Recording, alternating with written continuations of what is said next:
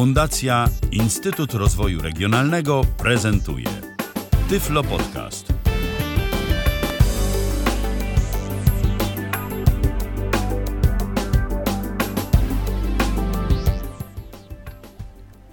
Europo, witaj nam, z nami siądź, ściągnij płaszcz. No tak było 10 lat temu, 15, kto pamięta, ten pamięta. Takie postaci jak Stefan Müller na przykład, czy Conrado Moreno. E, I ci państwo oraz prowadząca pani Monika Richardson usiłowali nas wtedy przekonać, to były też czasy, kiedy Polska wchodziła do Unii, że Europa da się lubić, że Polska w tej Europie się odnajdzie, że w różnych aspektach wiele nas różni jako narody, ale wiele nas też tak naprawdę łączy. No my co prawda dzisiaj, no ja się nie nazywam ani Krzysztof Krawczyk, ani tym bardziej Monika Richardson, a Paweł Masarczyk. I nie jest to TVP, a jest to Tyflo Radio. Yy, i myślę, że my wcale gorsi nie jesteśmy, a temat, który chciałbym dziś poruszyć, yy, w Europie da się lubić poruszony, myślę nie był, aczkolwiek nie dotarłem do wszystkich odcinków, yy, więc może coś mnie ominęło. Bo i do nas, i tutaj w naszym środowisku osób niewidomych mamy parę takich osób i to nie jest ich aż tak wcale mało, których, które coś tu przyciąga do Polski, które chcą się do nas przenieść, chcą się uczyć naszego języka, chcą zakosztować życia tu, naszych realiów, które sobie tu przede wszystkim układają życie i całkiem nieźle sobie radzą. I myślę, że fajnie byłoby posłuchać, e, jakież to doświadczenia miewają obcokrajowcy, którzy przyjeżdżają do Polski, którzy w tej Polsce chociaż na chwilę, na jakiś czas dłuższy e, postanawiają się osiedlić. E, pomogą mi w tym dzisiaj nasi goście. Jest z nami Andrzej Tichonow z Rosji, jest z nami Rok Mulet ze Słowenii i Roberto Lombino z Czech. Tego kolegę już pewnie kojarzycie z różnych innych podcastów. A koledzy, których wcześniej wymieniłem, są z nami po raz pierwszy. I za chwilkę pewnie nam się troszeczkę przedstawią, opowiedzą nam coś o sobie, o tym, dlaczego się w Polsce znaleźli. E, a ja jestem Paweł Masarczyk, tak jak już wspomniałem. Audycja jest interaktywna, więc jeżeli macie jakieś pytania do naszych gości, albo na przykład sami e, byliście w Polsce, czy to turystycznie, czy może mieszkacie w Polsce, czy macie tu kogoś e, wam bliskiego, albo byliście jakiś czas na studia mm, z innych powodów i wyprowadziliście się. Jeżeli macie jakieś uwagi, jakieś pytania albo uwagi co do tego, jak e, u nas się żyje i, i co do tego, jak ogólnie mm, odbieracie naszą audycję i co ciekawego chcielibyście jeszcze usłyszeć, do dyspozycji jest nasz telefon 123 834 835. No to witam Was serdecznie. Witam Andrzeju, Roku, Robercie. Dzień dobry. Dobry wieczór, dobry. dobry wieczór. No myślę, że usłyszeliśmy już Wasze głosy, więc myślę jeszcze troszkę czasu zajmie, zanim e, słuchacze się do nich przyzwyczają, zwłaszcza, że gości jest dzisiaj e, dość dużo. E, no tak jak wspomniałem, łączy Was ta jedna rzecz, chociaż przez chwilę, albo nadal mieszkacie w Polsce, a nie pochodzicie z Polski, to opowiedzcie może coś o sobie, kim jesteście, jak jest, jaka jest Wasza historia poniekąd, co Was ściągnęło do Polski. Może od Ciebie, Andrzeju, zaczniemy. Dobrze, to dziękuję. Nazywam się Andrzej, e, teraz mieszkam we Wrocławiu. Jestem na drugim roku studiów doktoranckich nauk o polityce na Uniwersytecie Wrocławskim. Przyjechałem do Polski, a mianowicie do Wrocławia 3 lata temu. Przeprowadziłem się e, z Rosji, urodziłem się w Archangelsku.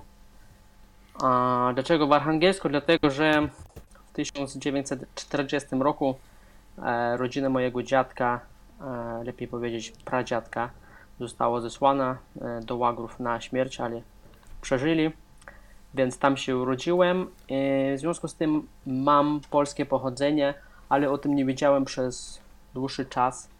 Dowiedziałem się gdzieś tak 5 lat temu, bo ktoś tam z naszych krewnych znalazł na Ukrainie książkę wojskową mojego pradziadka, gdzie było napisane, że był obywatelem polskim, no i tak mogę powiedzieć, że od jakiegoś czasu myślałem o tym, żeby Rosję opuścić, więc e, kiedy znalazłem taką możliwość, to zacząłem uczyć się języka polskiego, no i 3 lata temu tutaj się przeprowadziłem i studiowałem w ramach programu stypendialnego e, imienia Kirklanda Polsko-Amerykańskiej Fundacji Wolności. Aha, no czyli z powodów naukowych tutaj przybyłeś i też poniekąd pochodzenie cię, cię przywiało. Tak. No myślę, że sporo ma, mamy właśnie takich yy, repatriantów też poza granicami, którzy do nas wracają i myślę, że no, bardzo pozytywnie. Witaj z nami. Ale na przykład ro, rok, rok jest w Polsce w ogóle z, z innych względów i ja Roka, muszę tak prywatnie przyznać, poznałem jak 6 lat temu podczas obozu ICC, o którym tu już nie, niejednokrotnie wspominaliśmy. I to były czasy, kiedy Rok ani słowa, myślę, nie mógł, nie mógł powiedzieć po polsku i rozmawialiśmy po angielsku. I e, wielkim zaskoczeniem było dla mnie, kiedy po jakiejś kilkuletniej przerwie spotkaliśmy się na lotnisku w Lublanie, e, bo chyba przez dłuższy czas nie mieliśmy kontaktu i nagle Rok mówi do mnie prawie czystą, no prawie, no w zasadzie czystą, polszczyzną, e, co było dla mnie dużym zaskoczeniem. Rok, opowiedz, jakim cudem ty się znalazłeś w Polsce? No to, to cudo teraz jest. No to jest tak, że 5 lat temu w ogóle wiedziałem o Polakach tylko to, że raz spotkałem żywo rzeźbę w Wenecji, e, który był Polakiem, właśnie tak, where do you come from, my friend? Ja tak from Slovenia, a mówisz po polsku? E, no a e, właśnie 6 lat temu, tak jak już Paweł wspominał się, spotkaliśmy e, na ICC właśnie moja teraz żona, Zuzia i Paweł i ja. Zuzia i Paweł byli pierwszymi ludźmi, których znałem właśnie na tym, e, na tym obozie. No i miłość potem, e, znaczy nie była tak od razu, ale e, właśnie mm, w 2014 roku już wiedziałem, że jeśli ktoś się dokądś przeprowadza, jeśli zostaniemy razem, to, to ja się będę przeprowadzać. I no skoro tak, to się zacząłem uczyć polskiego i, i potem w 2016 roku, czyli dwa lata temu, e, trafiłem dotąd na stałe. I się ożeniłem i, i to to. Nie? I mieszkasz w Warszawie, tak? Mieszkam w Żerardowie. Teraz już Żerardowie. Tak, tak, teraz Ale w Warszawie miałeś też już do czynienia. Mhm. Wynajmowaliśmy i pracuję ciągle tam. Tak, Żerardów mhm. to jest pół godziny od Warszawy, tak, znaczy pociągiem. Szybkim pociągiem pół godziny, wolniejszym teraz 40 minut, a będzie e, całą godzinę. Um, bo teraz coś naprawiają tory, idzie szybciej. Super. E, no i Roberto, ty zostałeś w sumie na koniec, ty trochę z podobnych powodów y, jak Andrzej przyjechałeś, bo też chciałeś u nas postudiować, nie mieszkasz w Polsce, tak? Ale z Polską mhm. masz dużo wspólnego i mam wrażenie czasem, że częściej bywasz w Polsce niż u siebie w Czechach. Więc y, może, może dostaniesz obywatelstwo gdzieś tam z nadania z czasem. Karta stałego klienta. Ale Zobaczymy. No to tak, no jestem Czechem, jak już zostało tu powiedziane, jak już powiedziałeś, jestem Czechem z włoskimi korzeniami, urodziłem się w Pradze, e, a do Polski e, jakby do w ogóle studiowania w Polsce e, zachęciło mnie przede wszystkim na samym początku to i do Polski ogólnie, że poznałem w internecie kilka osób e, ze środowiska osób niewidomych w Polsce. E, między innymi chyba myśmy byli, myśmy mieli kontakt od, e, dość jakby od, tak, od samego tak, tego tak, tak początku, kiedy, mhm. kiedy, kiedy poznałem Was. I jeszcze wcześniej odkryłem Tyflo Radio. Ogólnie ja się interesuję językami obcymi, zwłaszcza słowiańskimi odkryłem kiedyś Tyflo Radio. E, zaciekawiło mnie, zaciekawiło mnie to o tyle, że e, jakoś tak tutaj nie mam e, lepszego kontaktu z wieloma osobami ze środowiska niewidomych i to na przykład Polacy powiedzieli mi o tym, że można dotykowego telefonu, dotykowy telefon obsługiwać. Albo o tym, że mhm. można, jak to jest troszeczkę bardziej szczegółowo z poruszaniem się, tak, po mieście samodzielnym i tak dalej zaciekawiło mnie. Już wcześniej troszeczkę miałem do czynienia z, mam znajomych tam przy granicy polskiej, e, jeszcze w Czechach, na Zaolziu, na Śląsku Cieszyńskim e, i tak dalej, więc e, po prostu troszeczkę już wiedziałem, a zaczęła mnie interesować kultura polska, też dzięki temu właśnie, że poznałem takich ciekawych ludzi. I to zdecydowało również o kierunku moich studiów. Studiuję teraz w Pradze polonistykę na Uniwersytecie Karola. Jestem na drugim roku studiów licencjackich i e, jednym z takich kroków, które moim zdaniem naprawdę były, były warte e, podjęcia to było właśnie, to był właśnie Erasmus w Warszawie, czyli e, w semestrze letnim teraz. Od lutego do czerwca mieszkałem w warszawskim akademiku na Mokotowie i studiowałem na Uniwersytecie Warszawskim przez mniej więcej 4,5 miesiąca. E, troszeczkę sobie popodróżowałem, już w Polsce wcześniej bywałem, e, nieraz byłem, a, a właśnie dzięki temu no to miałem jeszcze więcej okazji e, i sobie pozwiedzać kraj i poznać nowych ludzi. Na przykład i, i tak dalej, i zrobić sobie certyfikat na przykład z języka polskiego, żeby mieć jakiś papier oficjalny, nie, że się zna ten język. Mhm, mhm. Więc, y, więc tak to było i pewnie jeszcze będzie z moimi kontaktami z Polską. No, więc jak widać, y, każdy z Was miał tu jakiś, jakiś powód i to z najróżniejszych powodów. Myślę, że te różne migracje tak właśnie wyglądają. Albo, albo miłość, albo praca, czy tam studia, albo po prostu pasja. Pasja do języka polskiego, do kultury polskiej. No właśnie. Y, czy, czy polskiego uczyliście się przed przyjazdem do Polski już? Myślę, że tu na, Roberto właśnie odpowiedział trochę już na, ten, na to pytanie. E, a czy, czy przyjechaliście tak po prostu na żywca, nie znając kompletnie języka i próbując przetrwać z tym, co znaliście, czy po angielsku, czy na zasadzie podobieństw, bo no, wszyscy pochodzimy z kultur słowiańskich, więc te języki są gdzieś tam podobne. E, rok, może ty teraz zaczniesz. E, ty już Polski znałeś, gdy przyjechałeś do Warszawy tak na stałe, z tą intencją, żeby zostać, czy, e, czy jednak uczyłeś się tutaj? Większość tego, co umiesz teraz, nauczyłeś się już na miejscu. Tak, podstawy są, podstawy były zacementowane już od, znaczy zacząłem się w 2000, 2014 roku uczyć, tak jak wcześniej wspominałem to, to znaczy dałem kilka, znaczy no, nauczyłem się kilka rzeczy z tych audiokursów, trochę do, dla turyści, a tym jeszcze jednego znalazłem trochę lepszego. Um, a co do pisania na przykład, znaczy mniej więcej rozumiałem, mniej więcej wiedziałem, ale e, pisać to dopiero później, potem trochę bardziej na żywca. Tak. Um, mhm. Ale jak przyjechałem do Polski, to podstawowa komunikacja nie było żadnego problemu. E, z podstawową komunikacją to nie było problemu. Mhm. I, I ty, Andrzej, mówiłeś, że coś przed audycją trochę rozmawialiśmy, że, że nie, że ty przyjechałeś nie znając języka, więc to jest trochę inna perspektywa. Y, ciężko było ci się zaadaptować i w ogóle szybko ci poszła nauka? E, no miałem taką sytuację, że e, zacząłem uczyć się języka polskiego w 2014 roku i przyjechałem do Krakowa e, w celu uczestnictwa w takim kursie językowym musiałem no, coś mówić po polsku, ponieważ chciałem zdobyć tak zwaną kartę Polaka, a żeby e, tą kartę zdobyć trzeba e, wziąć udział w, w, takiej rozmowie w konsulacie. I to było w Petersburgu, więc musiałem coś już, znać. No i później jak wróciłem e, e, e do Archangelska, no to słuchałem, nie wiem, radio na przykład, coś tam próbowałem czytać no później już zdobyłem tą kartę Polaka.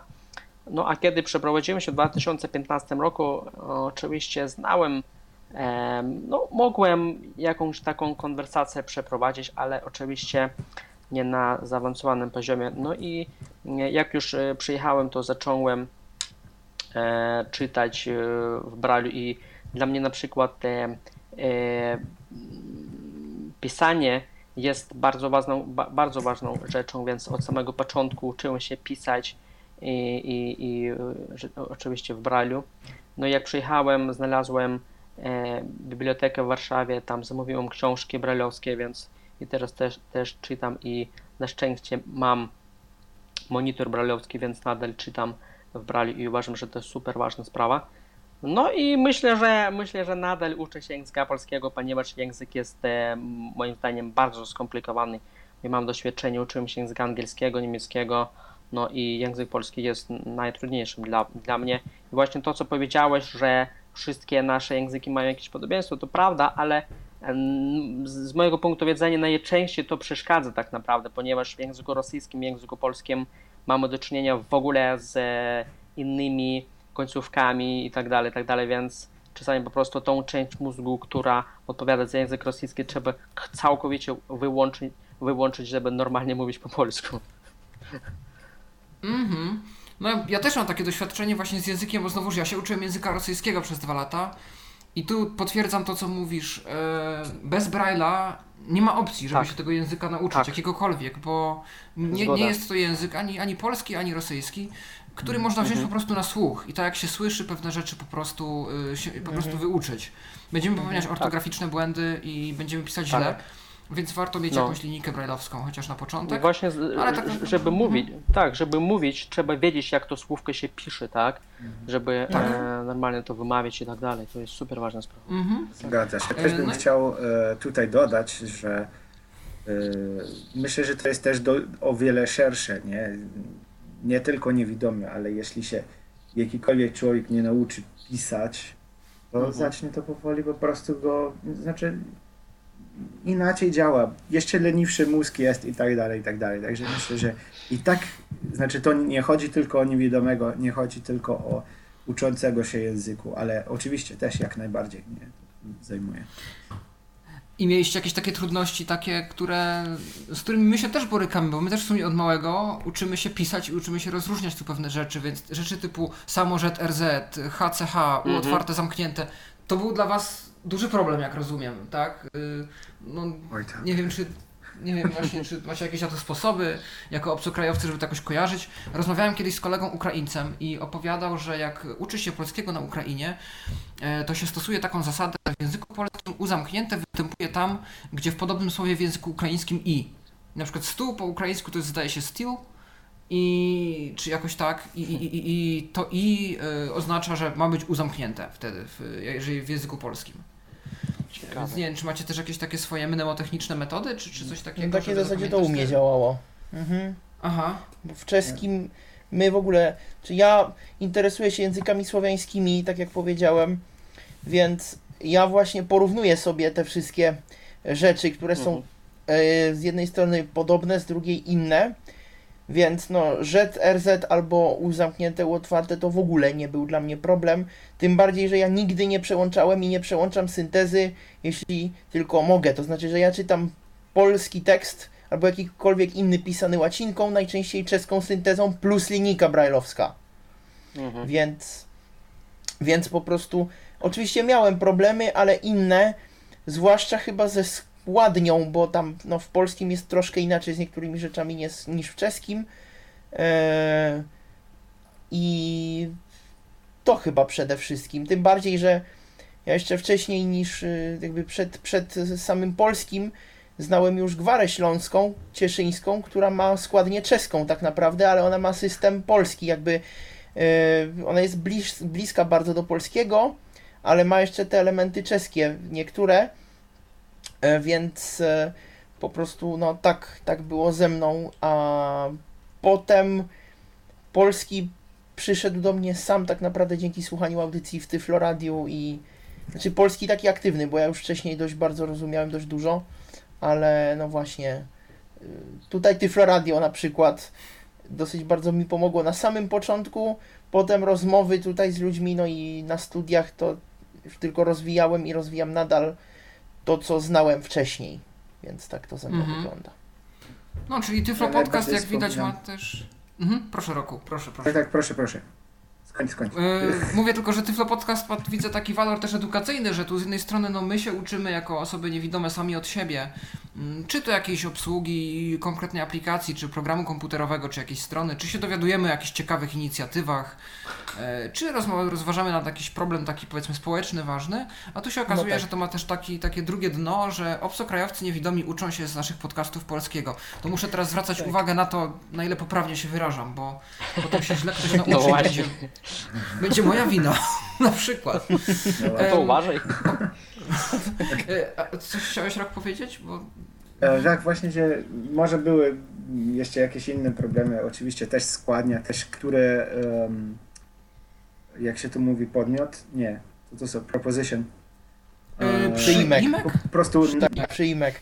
przyjmek, tak, który przyjmek idzie gdzie, bo, bo to właśnie tak jak wcześniej Andrzej powiedział, e, bardziej przeszkadza e, zna, znajomość swojego języku, No bo właśnie. chcesz wszystko podporządkować własnym regułom, tak?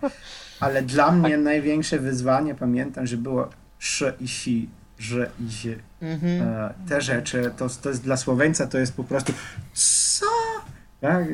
Znaczy, sami mi mówili, a jak ty szumie, szumieć zacząłeś? A ty jeszcze w ogóle normalnie sze słoweński mówisz? No, mówię, ledwo, ale staram się. Wygląda na to, że mamy pierwszy telefon. Taki. O, A więc właśnie, słuchamy. A, Dzień dobry, dobry wieczór. Naprawdę, ja, ja musiałem po prostu do was dzwonić jako człowiek, który też uczy języka polskiego i który też e, uczy się nadal. Oj. Aleksandr z tej strony. Oj. Aleksandrze, tylko gdybyś mógł spróbować może jeszcze raz do nas zadzwonić, bo zdaje się, że mamy niestety jakiś problem z, z telefonem. dokładnie. O, może, może za chwileczkę, się może za chwileczkę będzie lepiej. Tak, coś jest. jakieś problemy z zasięgiem. Nie wiem, czy, czy, czy to się tak aż z Rosji ciągnie, czy coś. Ja też kojarzę, że, że Foner miewał takie problemy. W sensie, bo Aleksander dzwoni do nas oczywiście z Moskwy. We have bugged your phones, jestem. To Putin blokuje. Nie, On Teraz do niego, teraz do niego zadzwonię, co on tam robi. Może, może, być, może się to okazać konieczne. Jeszcze jedna taka uwaga techniczna, bo nie przedstawiłem, znaczy przedstawienia nie trzeba, ale warto wspomnieć. E, Michał Dziwisz jest też tu dzisiaj z nami, aczkolwiek dziś jeszcze, jeszcze dajemy mu odpocząć e, merytorycznie. Michał dzisiaj technicznie nas wspiera, jest za konsoletą jak zawsze, realizuje nas i on też pomaga nam wprowadzać słuchaczy na antenę, więc to był ten właśnie głos, który e, Aleksandra zapowiedział. E, No i spróbujmy od razu może odebrać jeszcze raz ten telefon. Może teraz Dobrze. będzie lepiej. Halo? Tak. Halo? Nie, niestety nie. Nie.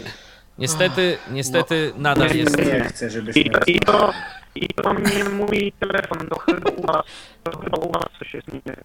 Zdaje się, zdaje się, że tak. Ja będę próbował jeszcze może zrestartować tę aplikację.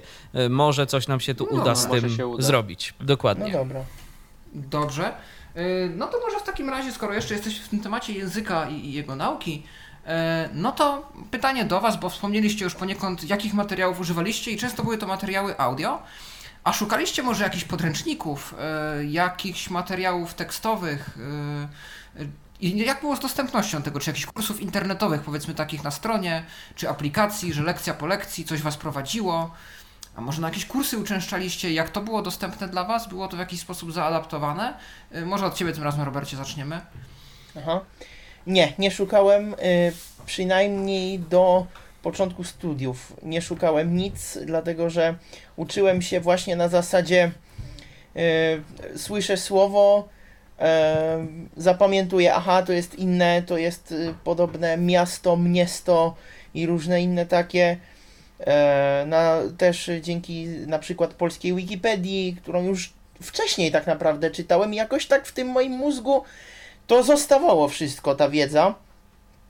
Mm, więc e, do, do, dopiero na studiach e, miałem do czynienia z podręcznikami i to najczęściej były podręczniki e, zeskanowane albo już e, w PDF-ie mi przesłane, które tylko trzeba było e, wkleić do odpowiedniego programu OCR, żeby ze zdjęć stał się tekst i potem w miarę można było sobie z tym radzić. Natomiast no jakichś tekstowych materiałów, które byłyby dostępne od razu, to muszę z przykrością wielką, ale powiedzieć, że nie miałem.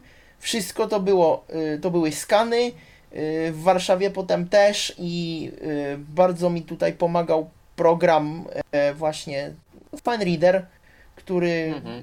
który, y, do którego wystarczyło wkleić i on mi po prostu rozpoznał. No czasami były kłopoty z jakimiś tabe, tabel, tabelami, tak? Y, Mhm. I tam różnymi innymi, ale dało się i się da, natomiast te podręczniki to raczej były albo ćwiczenia, no albo potem jakieś y, teksty na wykłady z polskiego albo na zajęcia z polskiego, ale to nie było nigdy moje główne źródło. Moim głównym źródłem były i są nadal rozmowy z ludźmi, słuchanie radia, czytanie tekstów i książek czasami i tak dalej. No to najlepsze. Mm, właśnie, ale jak u Ciebie to było, Andrzeju? Czy Ty używałeś jakichś materiałów takich y, tekstowych, jakichś No. bardziej ćwiczebnych, czy też y, raczej były tutaj audio i radio i rozmowy potem? Tak, tak, właśnie miałem taki sam problem i może nadal mam, bo ja szukałem takich podręczników, ale niestety nic nie znalazłem. Może coś takiego istnieje, tylko że nie znalazłem. I też korzystałem ze tekstów mm, i kiedy byłem na, po raz pierwszy miałem, uczestniczyłem w, te- w tym kursie języka polskiego, to po prostu wszystkie materiały miałem w wersji elektronicznej, więc mogłem wszystko to przeczytać, poćwiczyć, no i rzeczywiście, rzecz, rzeczywiście miałem ten monitor brajlowski, no i y, sporo pisałem, po prostu tak ręcznie, żeby zapamiętać wszystko, jak to się pisze. No i później też, y, kiedy tutaj już w Wrocławiu e, mieszkałem, czyli przyjechałem 3 lata temu, też byłem uczestnikiem takich semestralnych kursów języka polskiego, też tam miałem te materiały e, tych lekcji w wersji elektronicznej, tak samo pisałem testy.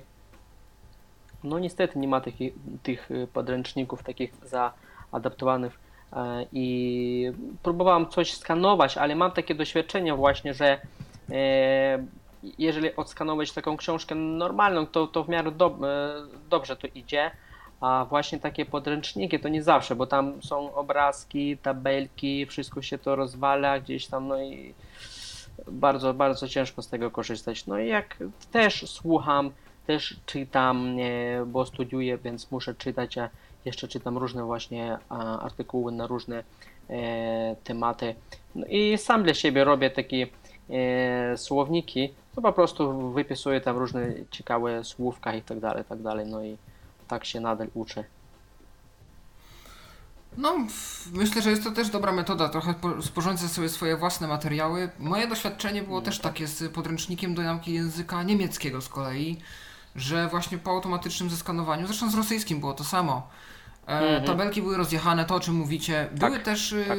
strony, miały podziały wmontowane, przez to, że książka ma stronę, Mhm. kartkę, jakby stronę lewą, stronę tak. prawą. No E, tak. To potem trzeba było przeskakiwać strzałką w prawo i pamiętać o tym, bo inaczej się przeskoczyło na następną stronę i nie można było dalej czytać. Mhm. No I tak ja to, miałem że- w kolumnach, jak był tekst w dwóch kolumnach. O, oj, to, to Tak. tak. To, się podobno w Wordzie da jakoś rozwiązać, ale jest po prostu upierdliwe. No dlaczego by się Tak, no oczywiście. męczyło, tak? Mhm. Ja pamiętam, że jak zapisywałem też potem już do plików TXT, bo mi tam jakieś formatowanie nie było specjalnie potrzebne w Wordzie większe, bo się okazało, Mhm. że na przykład książka do niemieckiego nie miała aż tylu tabel.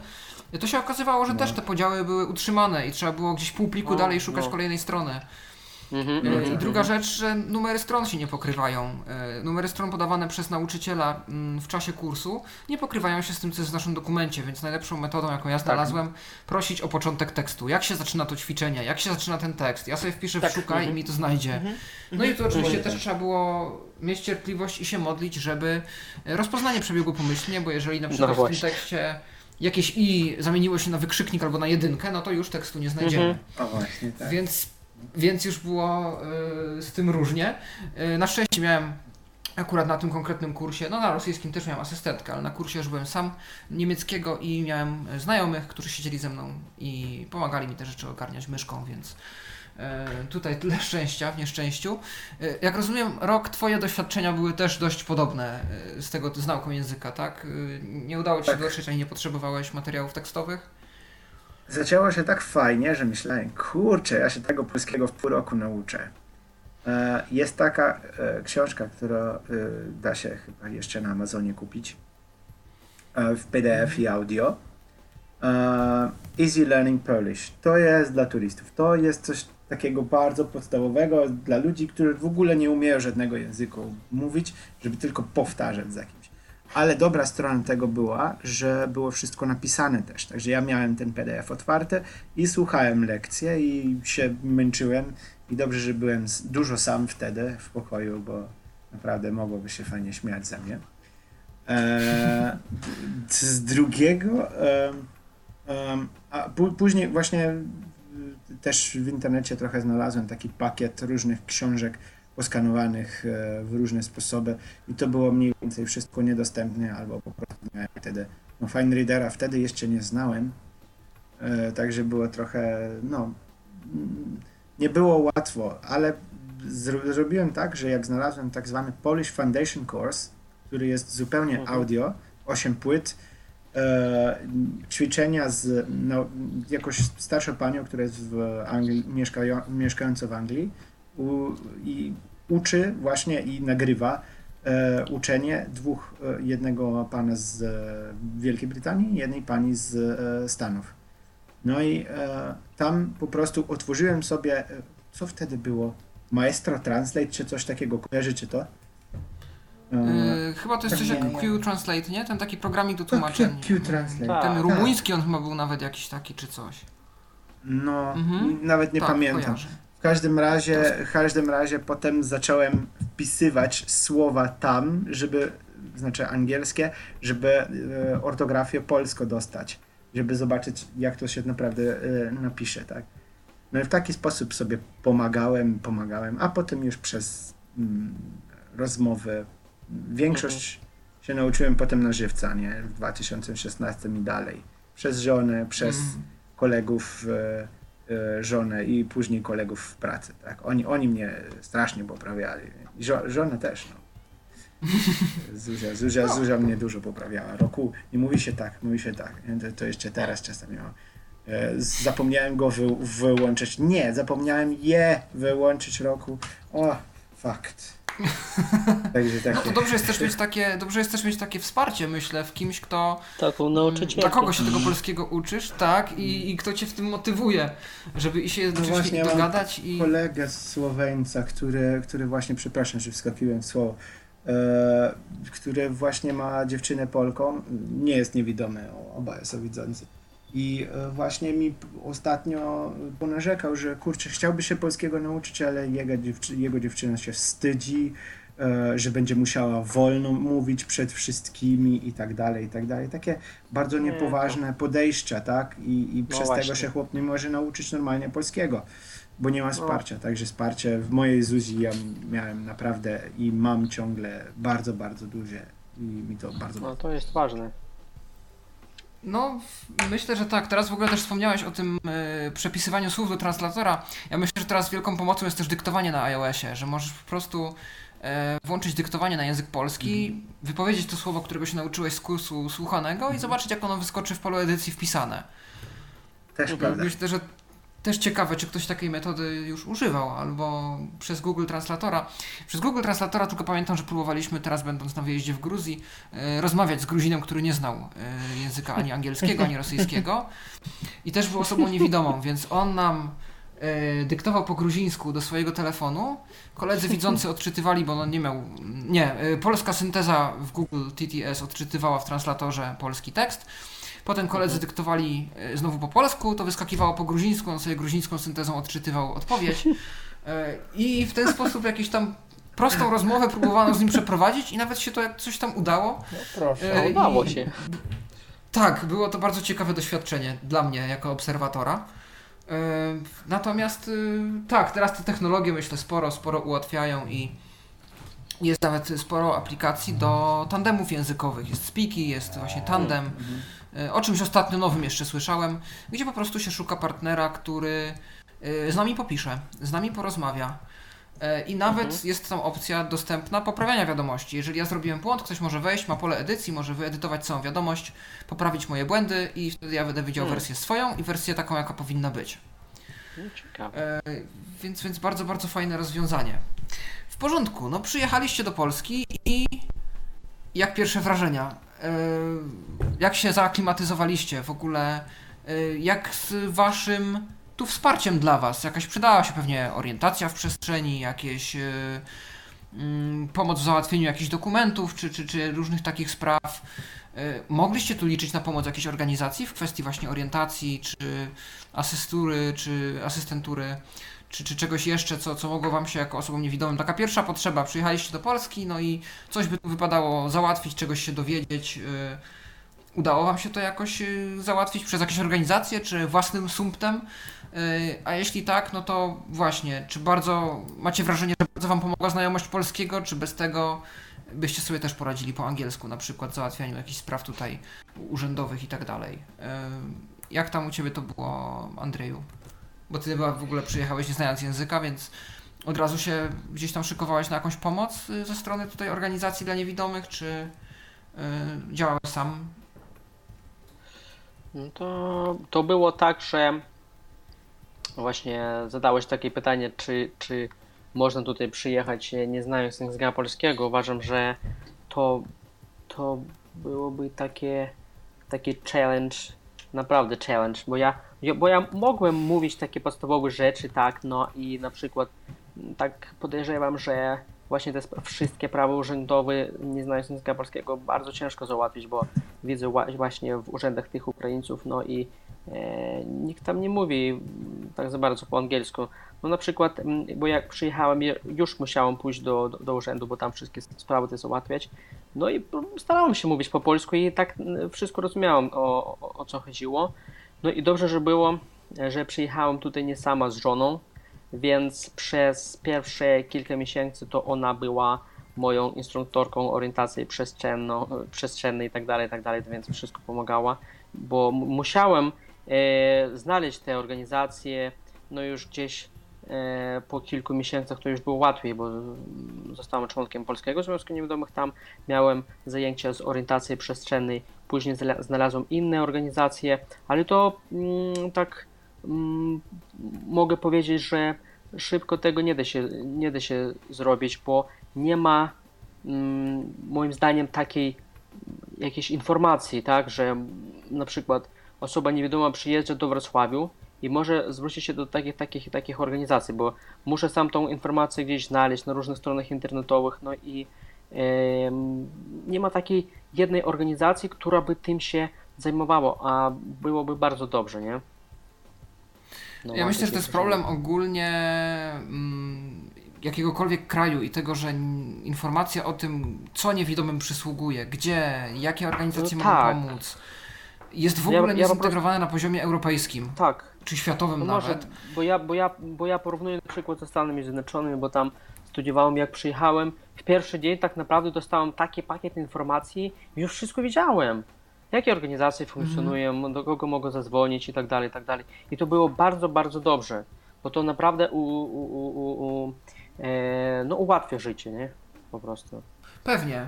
No to dobrze, że Stany Zjednoczone już są tak uświadomione, że takie informacje rozsyłają. Tu w Europie myślę ogólnie jest taki problem, bo ja, no właśnie, czy jak szedłem na studia do Niemiec, czy jak teraz właśnie mhm. staram się, załatwiam różne sprawy pod kątem mojego stażu w Brukseli, Mhm. E, czy myślę, jak będę jeszcze załatwiał wiele rzeczy w przyszłości? Gdyby nie to, że ja gdzieś się trochę interesuję tą tematyką, więc mam też trochę znajomych w różnych krajach, że gdzieś tam jestem aktywny za granicą, na grupach facebookowych, na jakichś tam listach dyskusyjnych, że byłem na ICC właśnie i parę innych rzeczy, to też byłbym w kropce. Musiałbym googlować, szukałbym jakichś rzeczy z Google by mi wychodziły. Nie wiadomo, czy te rzeczy byłyby w ogóle jakieś zgodne z prawdą. E, więc to, że ja znałem ludzi, w dużej części to jest kwestia tego, że się zna ludzi w konkretnym kraju, to mi bardzo pomogło. I tak naprawdę, gdyby nie to, że zapytałem tą czy inną osobę, kto w waszym kraju zajmuje się, no nie wiem, orientacją w przestrzeni, czy tamtym, czy siamtym, to byłaby też wielka improwizacja, bo nie ma takiej centralnej instytucji, czy centralnej na przykład, nie wiem, strony internetowej tak. wystarczyłoby, tak. która takie informacje w różnych krajach zbiera.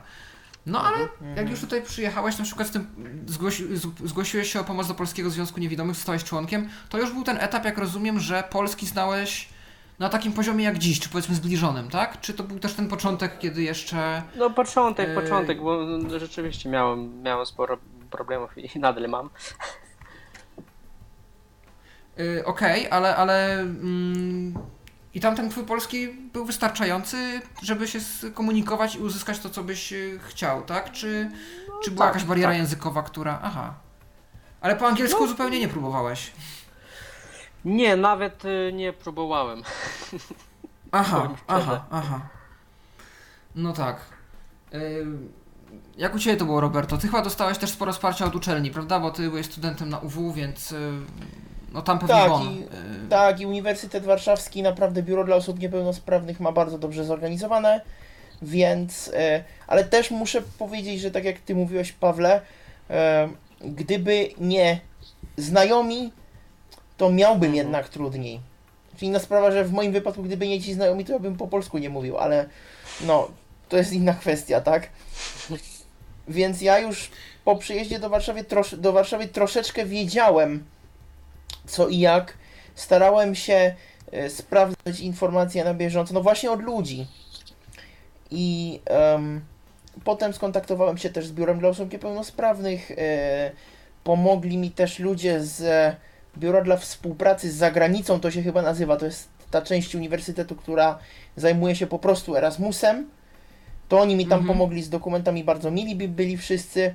No i orientacja, no to z jednej strony właśnie biuro dla osób niepełnosprawnych, ale szczerze mówiąc, bardzo, bardzo często i troszeczkę też po to pojechałem do Polski, żeby to wszystko przetestować, no bo interesuję się technologiami. Bardzo często korzystałem tam z nawigacji, więc Mhm. trzeba było radzić sobie samodzielnie. I jakoś tak nawet nie przyszło mi do głowy, że mógłbym się zwrócić do tego Wismara, do Fundacji Wismar, która jest w Warszawie, albo do jakiejś innej organizacji, dlatego że trzeba było załatwiać sprawy tu i teraz i po No prostu tak. nie było czasu na takie różne e, właśnie rzeczy, nie? Na kontaktowanie się. E, najpierw przez pierwszy tydzień, jeszcze przed em, rozpoczęciem zajęć, była ze mną moja mama. E, mieszkaliśmy w mieszkaniu wynajętym przez e, usługę Airbnb. I więc mama mi tam też troszeczkę już pokazała w tych moich okolicach. To było gdzie indziej, ale pojechaliśmy tam. E, mama mi troszkę pokazała w tych moich okolicach, tam gdzie ja potem mieszkałem. No i potem właśnie przede wszystkim wszystko dzięki ludziom i dzięki temu, że miałem ten telefon, który naprawdę dzięki któremu mogłem sobie dojść gdziekolwiek e, potrzebowałem, no ja nie wiem, no jechałem gdzieś pociągiem, no to trzeba było na, po asystę, tak, zadzwonić, normalnie sobie zamówić i tak dalej, więc informacje tylko, albo w 80 powiedzmy procentach, niestety, ze źródeł nieoficjalnych, no a gdybym nie znał polskiego, to no, śmiem twierdzić, że od strony uczelni nie byłoby źle, ale poza tym to nie wiem jakby było. Nie wyobrażam sobie tego wszystkiego. Naprawdę No sobie tak. nie wyobrażam. I teraz, przepraszam, że tak, y, taką dygresję zrobię, ale kolega Aleksander nam się nagrał na y, Whatsappie, mi w zasadzie jak gdyby nagrał y, coś, co ja powinienem tu puścić, więc y, czy się zgadzacie, żeby to Okej, tutaj to jest tak, dobry pomysł. Myślę, tak, myślę, że Tak, otwórz tak, go, tak. Bo, bo może być to Fajnie. ciekawe. Dobrze, to ja tutaj y, zasadzie czeską syntezę w tym momencie. No i o. E, O, to się chyba jeszcze będzie... To będzie tak, to się chyba... O, teraz. Witajcie. Ja na pewno jestem pierwszy, e, kto właśnie w taki sposób mówi do Tyflo Podcasta. Witam serdecznie wszystkich. E, Miło każdego z Was słyszeć, nawet e, tych, o których mało co wiem. Też uczyłem się polskiego i uczę się nadal. Uwielbiam ten język. Ale no, parę słów o, o tym, jak ja uczyłem się. Oczywiście Tyflo Podcast i Tyflo Radio to to, co pomagało zawsze i pomaga nawet do dziś, bo niektórych e, rzeczy dowiaduję się e, słuchając tego radia i teraz. Także na pewno te, kto stworzył to radio, mogą cieszyć się niezmiernie. I ja uczyłem się polskiego praktycznie w ogóle bez Braille'a. Tego powodu bardzo żałuję, bo teraz moja pisownia nie jest może taka tragiczna, jaka była kiedyś. Nie. Ale ja na pewno mm, wiem, że jakbym uczył się, uczyłem się polskiego za pomocą Braille'a, to lepiej bym teraz mm, pisał. A pytanie do każdego z Was, drodzy uczestni, uczestniki e, tego mm, dzisiejszej audycji tej, jaki jest dla Was idealny podręcznik języka polskiego dla osób niewidomych? I czy znacie jakiś taki, z którego korzystaliście i który moglibyście polecić tym słuchaczom, którzy dopiero zaczynają może uczyć się albo długo już uczą się języka polskiego i słuchają tej audycji. Dziękuję i mam nadzieję, że mnie usłyszą. Pozdrawiam Was jeszcze raz wszystkich ciepło z Moskwy i mm, życzę przyjemnej tu rozmowy i będę chętnie słuchał Waszych odpowiedzi. Lat. No. No myślę, że antena w takim razie otwarta do Was. Macie jakąś odpowiedź na pytanie Aleksandra? No podręczników nie ma. Ja tak no właśnie, e, właśnie ten niezaawansowany, nie? Easy Learning Polish. Są oczywiście potem jeszcze bardziej zaawansowane. Yy, um, znalazłem jakąś gramatykę, moment, może znajdę w, w ciągu, w czasie audycji, może znajdę. Włączę dysk, zobaczę. Mhm. E, gramatyki e, napisane po angielsku e, o polskim są dostępne, są niektóre w PDF, polecam jak to się promowuje. Library Genesis jest bardzo, bardzo dobre, fajne środowisko, jeśli się chce jakieś podręczniki, jakiekolwiek książki znaleźć, nie?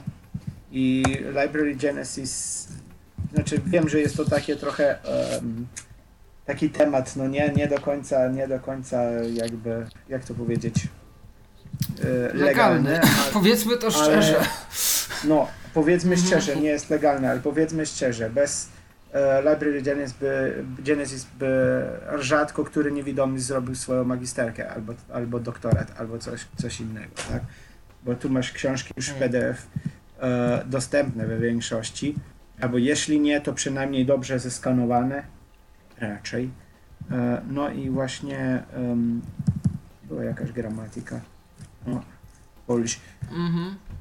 E, które, które, ja, które się ja stosowałem i, i trzymałem, znaczy bardziej mi było to ciekawe po, przeczytać, ale nie było mi to jakieś straszne, znaczy wtedy ja tego jeszcze nie rozumiałem do takiej do, do, do, polskiego nie rozumiałem do takiej miary, żeby mi się chciało coś takiego czytać. Tak? Wiesz, to jest. Ja myślę też, że mm, Duolingo, które było też tu prezentowane, w Duolingo jest kurs angielsko-polski, który moi koledzy ze studiów filologia angielska, Polacy, yy, zrobili i testy zdawali na 80%, więc myślę, mm. że na sam początek yy, jest to jakieś wyzwanie, jest to coś, od czego można by zacząć. Oczywiście no wiadomo, Duolingo to jest Duolingo, to jest y, bardzo kontekstowe. E, to nie wprowadza żadnych pojęć gramatycznych y, na zasadzie wyjaśnienia, tylko po mhm. prostu piszesz zdania, przepisujesz i, i uczysz się na błędach. E, natomiast jeżeli rzeczywiście ktoś chce tak dość szybko się w tym odnaleźć i jakkolwiek y, znać polski, żeby właśnie przyjechać i na początek coś tu umieć powiedzieć, coś mhm. zagadać do ludzi, o jakąś pomoc poprosić, myślę, że może to być całkiem dobry start. Ja ostatnio też słyszałem o podcastach realpolish.pl e, i myśl, myślę, że to jest już bardziej dla zaawansowanych osób e, w języku polskim, bo tam no gadka jest non-stop po polsku, ale prezenter przedstawia e, Polskę i polskie zwyczaje, polską kulturę, mówiąc troszeczkę wolniej, starając się mówić trochę prostszym może językiem. E, I myślę, że, że czy Wam, czy naszym innym słuchaczom z zagranicy może się to okazać pomocnym źródłem. Tam są czasem audio podcasty, czasem wideokasty. Na przykład ostatni odcinek zdaje się, że pan prowadzący nagrywał z ustki czy gdzieś nad morza i chciał się podzielić też jakimiś widokami. E, więc e, no po prostu zrobił wideokasta, gdzie też trochę o tej ustce poopowiadał, ale też ją troszeczkę pokazał. Myślę, że takich podcastów o polskim, o Polsce i polskich może trochę więcej być, trzeba było ich poszukać. Możliwe, że gdzieś się też, y, też w jakichś katalogach podcastów znajdą. Okej. Okay. E, Przepraszam, ja, by, ja bym razie... chciał tutaj jeszcze, jeszcze dodać, że ja uważam, że jedna z najlepszych metod to właśnie uczestnictwo w kursie języka polskiego w Polsce. Wiem, że to kosztuje, ale naprawdę naprawdę e, warto zainwestować i, i to się opłaca, że to właśnie jest. może być dobrym, dobrym startem bo tam można dostać e, materiały w wersji elektronicznej, e, zrobić taką bazę w głowie, później wrócić do kraju i to będzie naprawdę e, łatwiej z taką bazą już gdzieś tam w mózgu. No, plus to, że mieszkając tu w kraju chociaż przez chwilę, y, ma się Tak. ten kontakt z językiem na co dzień, więc po prostu jesteśmy zmuszeni siłą rzeczy go używać, prawda? Mhm. Y, Coś chciałeś, Robercie, powiedzieć? No ja mogę tylko polecić na takim poziomie już bardziej zaawansowanym. Nie wiem, no przychodzą mi do głowy dwie albo, no chyba dwie konkretne książki, yy, z których korzystaliśmy na studiach. Jedna ma nazwę Coś wam powiem, a druga to Czas na czasownik, ale to są już faktycznie na takim troszeczkę bardziej zaawansowanym poziomie. Tam stricte chodzi o ćwiczenia gramatyczne przede wszystkim w tym czasie na czasownik. E, a tak to no niestety, tak jak wszyscy mówicie, nie ma. E, I jeszcze ja y, i wszyscy tutaj studenci w Czechach, poloniści ubolewają nad tym, że nie ma y, dobrego y, podręcznika dla polskiego, na tak, języka polskiego dla Słowian. Dla tych, którzy już mają to pojęcie na przykład o przypadkach, o różnych, różnych takich rzeczach i słyszałem już od kilku osób, że powinno coś takiego być, a po prostu nie ma, nie ma dobrych materiałów też. Jest, są o strony angielskiej i tam innych zachodnich, tak, ale dla Słowian to tak, no, nie bardzo. Mhm. E, Okej, E, to skoro już nauczyliśmy się języka i jakoś w tej Polsce żyjemy, to trzeba by znaleźć jakieś mieszkanie, żeby gdzieś tutaj na dłużej się zatrzymać, w jakimś lokum. No i właśnie pytanie, czy było to dla Was jakoś trudne? Czy polski rynek mieszkaniowy, ciężko było mieszkanie odpowiednie dla Was i cenowo, i warunkowo znaleźć? Czy w kontaktach z Waszymi e, właścicielami tych mieszkań, administracją, y, czy tu były jakieś problemy? Y, Czy jak to wypada w ogóle w porównaniu no, z Waszym krajem, z sytuacją u Was w domu, gdy wynajmowaliście mieszkania, czy w Słowenii, czy w Rosji? Bo Roberto mieszkał w akademiku, więc no, mm, Tak, no, też jest to trochę powiem inna sytuacja. Natomiast, no właśnie, na przykład y, wy rok, kiedy wynajmowaliście coś tam chyba w Warszawie, czy ten, y, było to dla was, miałeś wsparcie Zuzi i jej rodziny, więc też było trochę inaczej, ale odczuwasz jakieś różnice w tym, jak na przykład właściciele mieszkań w Słowenii czy w Polsce reagują na, nie wiem, na osoby niewidome, które mają samodzielnie mieszkać, y, czy to było jakieś negatywne, pozytywne, czy bez różnicy, czy po prostu ten temat się odbył, mieszkanie zostało wynajęte i to koniec tematu. Z pierwszej ręki mi trudno powiedzieć, e, bo byłem mamy, mamy synkiem, dopóki się nie wyprowadziłem e, i mieszkałem też w akademiku, także tam nie było żadnych problemów. Tak? Też e, był to akademik, w którym mieszkały, mieszkały osoby niepełnosprawne. Ale z tego co słyszałem, no znaczy mm, nie ma jakiejś strasznej różnicy. Nie wiem, nasz e, e, właśnie e, pan, u którego mieszkanie wynajęliśmy, e, w ogóle bardzo w porządku przy, e, pod, podszedł do sprawy. E, w ogóle, nie wiem, w ogóle jakbyśmy po prostu, znaczy traktował nas na, jak innych ludzi, tak? Także Mhm. też oczywiście e, no, było, z, e, tak jak wspominałaś, e, e, wsparcie ze strony rodziców, No ale później te sprawy, m, bieżące sprawy załatwialiśmy już sami. Był bardzo mało u nas, to też prawda. Y, Jakoś się strasznie nie wtrącał, dopóki dostał swój hajs, to po prostu mogliśmy go nie widzieć nawet pół roku albo więcej. Tak. Em, Mhm. I żadnych problemów, żadnej dyskryminacji. e, I też w Słowenii nie słyszałem mm, nic takiego, no, żeby, żeby jakaś osoba tam, znaczy wynajmować w Słowenii jest bardzo trudno, bo, ale to jest już e, e, trochę inny temat. Po prostu mimo tego, że dostaną Słoweńcy większe renty, no to nawet w dwójkę by mieszkanie ledwo, ledwo wynajęli, tak? I, i, i jeszcze pracować by było trzeba gdzieś, e, co słoweńska renta nie pozwala, a praca nie jest e, tak e, szeroko otwarta. Znaczy, mm, szanse na pracę, przynajmniej jak ja puszczałem Słowenię, były niewielkie. Tak? Także no, w Słowenii już, już wynajmować, wynajmowanie same było. Czyli, czyli jeżeli w Słowenii, to za chwilę do tego też przejdę a propos pracy, bo to będzie nasze następne pytanie. E, Jeżeli w Słowenii rozpoczniesz pracę, odbierana jest ci renta w ogóle, tak? Nie ma czegoś takiego jak próg rentowy, tak jak u nas jest, że do pewnego momentu możesz tam ileś dorobić, e, tylko po prostu od razu, tak? W momencie, kiedy masz własny dochód, y, jesteś, ta renta jest ci odbierana, tak? Z tego co ja rozumiem, jest po prostu renta traktowana jak, znaczy, jak emerytura.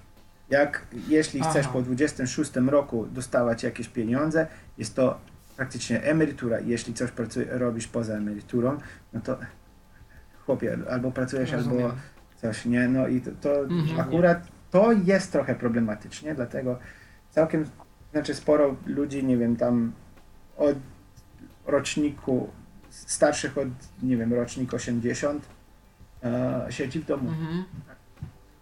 Aha. Albo byli wyszkoleni za A. telefonistów i oczywiście nie dostaną pracy i ciągną rentę i nic tak. No tak, perspektyw nie ma. No. Smutny to obraz. yy, Dobrze, że, że, że można usłyszeć też, że w Polsce coś, coś lepiej funkcjonuje. No To tak. mamy, ten, mamy ten sam employment rate co w Stanach e, Zjednoczonych, z tego co ja, z tego co ja słyszałem, ale to tylko słyszałem. No, nie wiem jak teraz z tymi wskaźnikami zatrudnień wygląda, ale możesz mieć rację, że takie informacje są gdzieś podawane. E, A jak to, An- Andrzeju, wygląda w Rosji?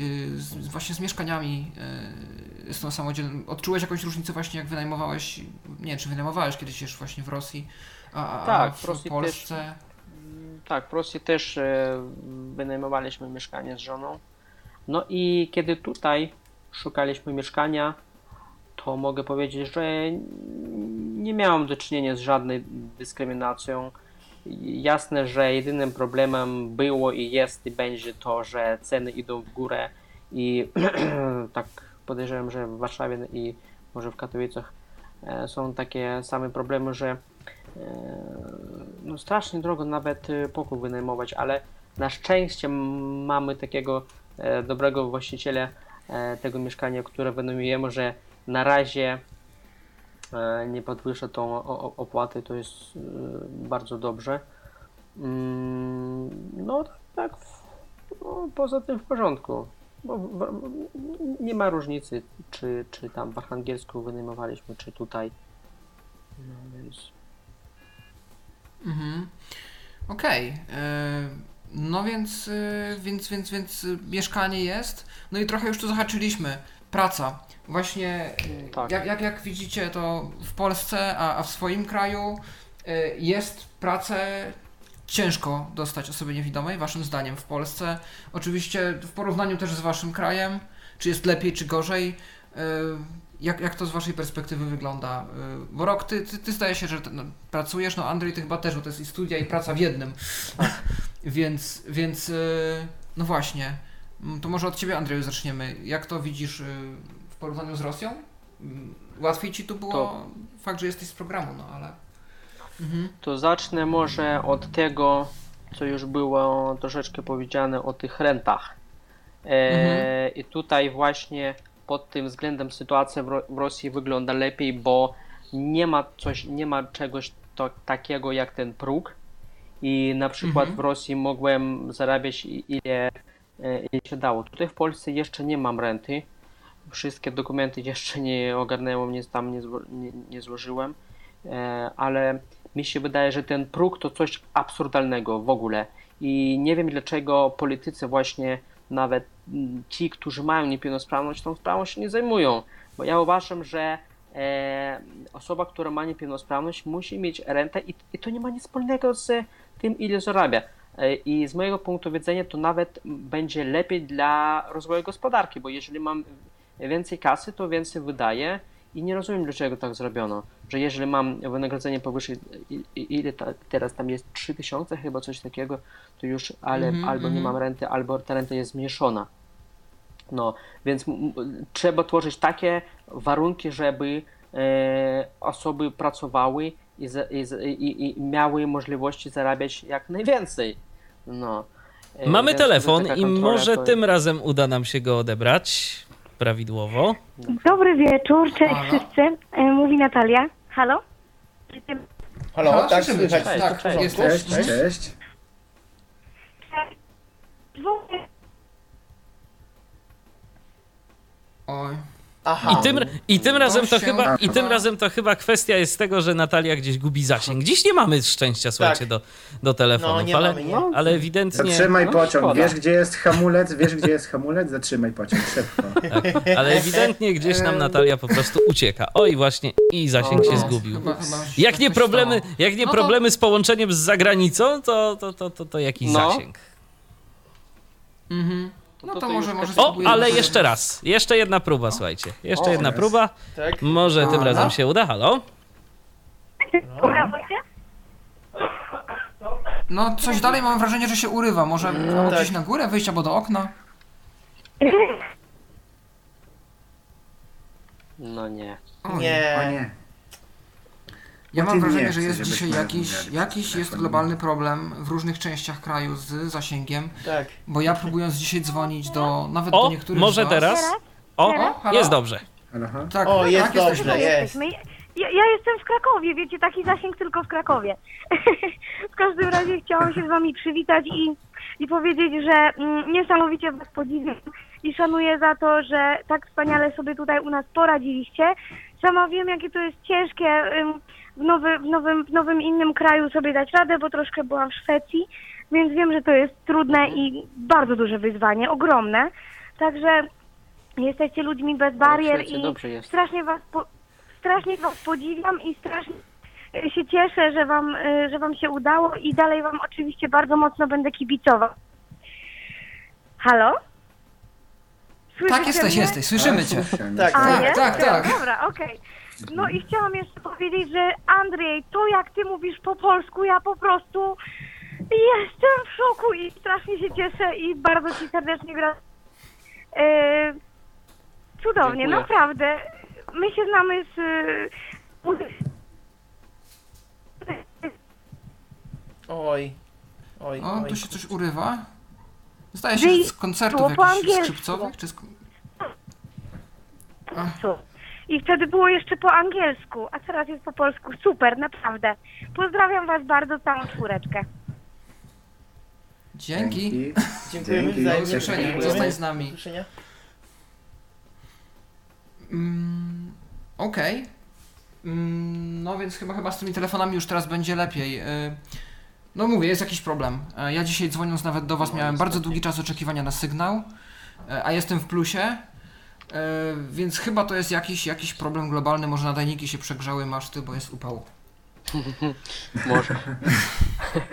Okej, e, więc y, jak to było dalej, Andrzeju, z tą pracą? Bo nie szukałeś i w Rosji i w Polsce już no, miałeś poniekąd y, gotową, Tak. przez to, że w ramach programu to studiujesz, ale masz też jakieś doświadczenia, może też innych, obserwując jak y, im tutaj szło szukanie pracy, bo interesują Cię takie tematy tu polityczno-społeczne, E, więc No tak. miał tą sytuację porównać, jak Twoje poszukiwania, a poszukiwania, które zaobserwowałeś w Polsce, jest gdzieś łatwiej, czy to jest mniej więcej wszyscy jedziemy na tym samym wózku? No, mi się wydaje, że w Polsce mm, e, osoba niepełnosprawna może znaleźć pracę w związku z tym, że istnieje coś takiego jak to dofinansowanie z PFRON-u. Z. I to jest, e, wiem, że są nadużycia i tak dalej, że nie, sporo ludzi narzeka, że to nie działa albo działa źle, ale moim zdaniem to, to jest dobre, dobre wsparcie. Ja właśnie e, od lutego tego roku pracuję e, w firmie, która ma takie dofinansowanie i z tego bardzo się cieszę, bo w Rosji my takiego systemu nie mamy, ale w Rosji też pracowałem, ale pracowałem w różnych organizacjach pozarządowych, więc robiliśmy różne projekty właśnie związane z osobami z niepełnosprawnością, więc też e, można tam pracować, ale no nie ma mm, takiego systemu. E, no i kiedy mam też e, w Polsce, we Wrocławiu, w innych miastach znajomych, którzy mówią, że o, to trudno znaleźć pracę, a ja ciągle siedzę na Facebooku, widzę w grupach, że są ogłoszenia, ogłoszenia, ogłoszenia, no i trzeba, trzeba próbować. No, mówią, że no nie chcę pracować, praca zdalna mi nie odpowiada, że chcę czegoś takiego rozwojowego i tak dalej, i tak dalej. No ale mm, jeżeli tak siedzieć i czekać na nie wiadomo co, to nigdy pracy nie będzie. No, trzeba zacząć i pracować. No, mi się tak wydaje. To jest wielka prawda. Tak. E, A jako to było u Ciebie rok? Bo Ty już raczej pracy szukałeś będąc tu. E, Nie, nie, miałeś nic gotowego przed przyjazdem, ani planu, ani, ani nic takiego konkretnego, a jednak pracę udało Ci się uzyskać, nawet y, przez jakiś czas y, pracowałeś w takim miejscu, że aż się doczekałeś wywia- wywiadu w gazecie, e, czego też Ci serdecznie gratuluję. Jak to u Ciebie było? Trudno było pracę znaleźć, czy, czy jakoś Ci to poszło łatwo, czy nie wiem, pomogła Ci jakoś znajomość słoweńskiego, który jest dość rzadko znanym językiem? E, Jak to było Nie, u Ciebie? pomogło, pomogło mi trochę e, e, Balkan Spirit, e, czyli, czyli pomaga. nie jak alkohol, tylko jak e, bardziej jak nastawienie. A Tak? może też? Nie miałem tego na myśli. Co, co, co, o czym mówisz? Nie miałem tego na myśli. Nie, nie, nie, nie. nie. No, no, no. Alkoholu. Nie. Okej, e, czego? Okej, Dobra, czyli jak to było? Jeśli, jeśli, chodzi o, jeśli chodzi o to, miałem, e, właśnie jest student słoweńskiego, e, Paweł Jaworski, szkoda, że nas nie słucha, e, go, bym go bardzo serdecznie pozdrawił, a może. W każdym razie on mieszkał w moim akademiku, jak, jak studiował, jak był na wymianie, no i zaczęliśmy się kolegować i powiedział mi, że pracuje na takiej niewidzialnej wystawie, gdzie Mm. idziesz w ciemność i tak dalej. Pytałem go, słuchaj, a spytałbyś szefowe, czy potrzebują kogoś znającego angielski i tak dalej, i tak dalej.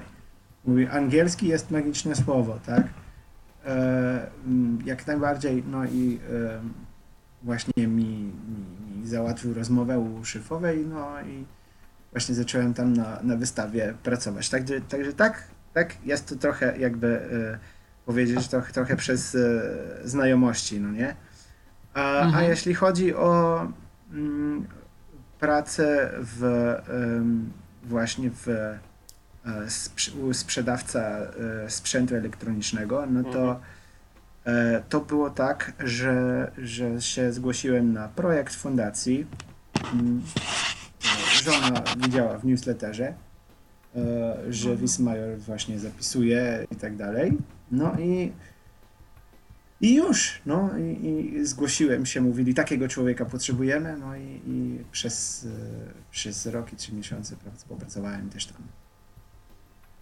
Aha, no więc miałeś możliwość poznania tego też z dwóch stron, że rynek, y, znaczy rynek, y, taka posada związana stricte z niepełnosprawnością w organizacji poświęconej osobom niewidomym, y, jak i na otwartym rynku pracy, więc mm, To macie fajnie, tu o jako... wiele lepiej zrobione, tak. Macie w, Aha, Polsce, w, Polsce macie to o wiele lepiej, Mhm, tak. Bo mhm.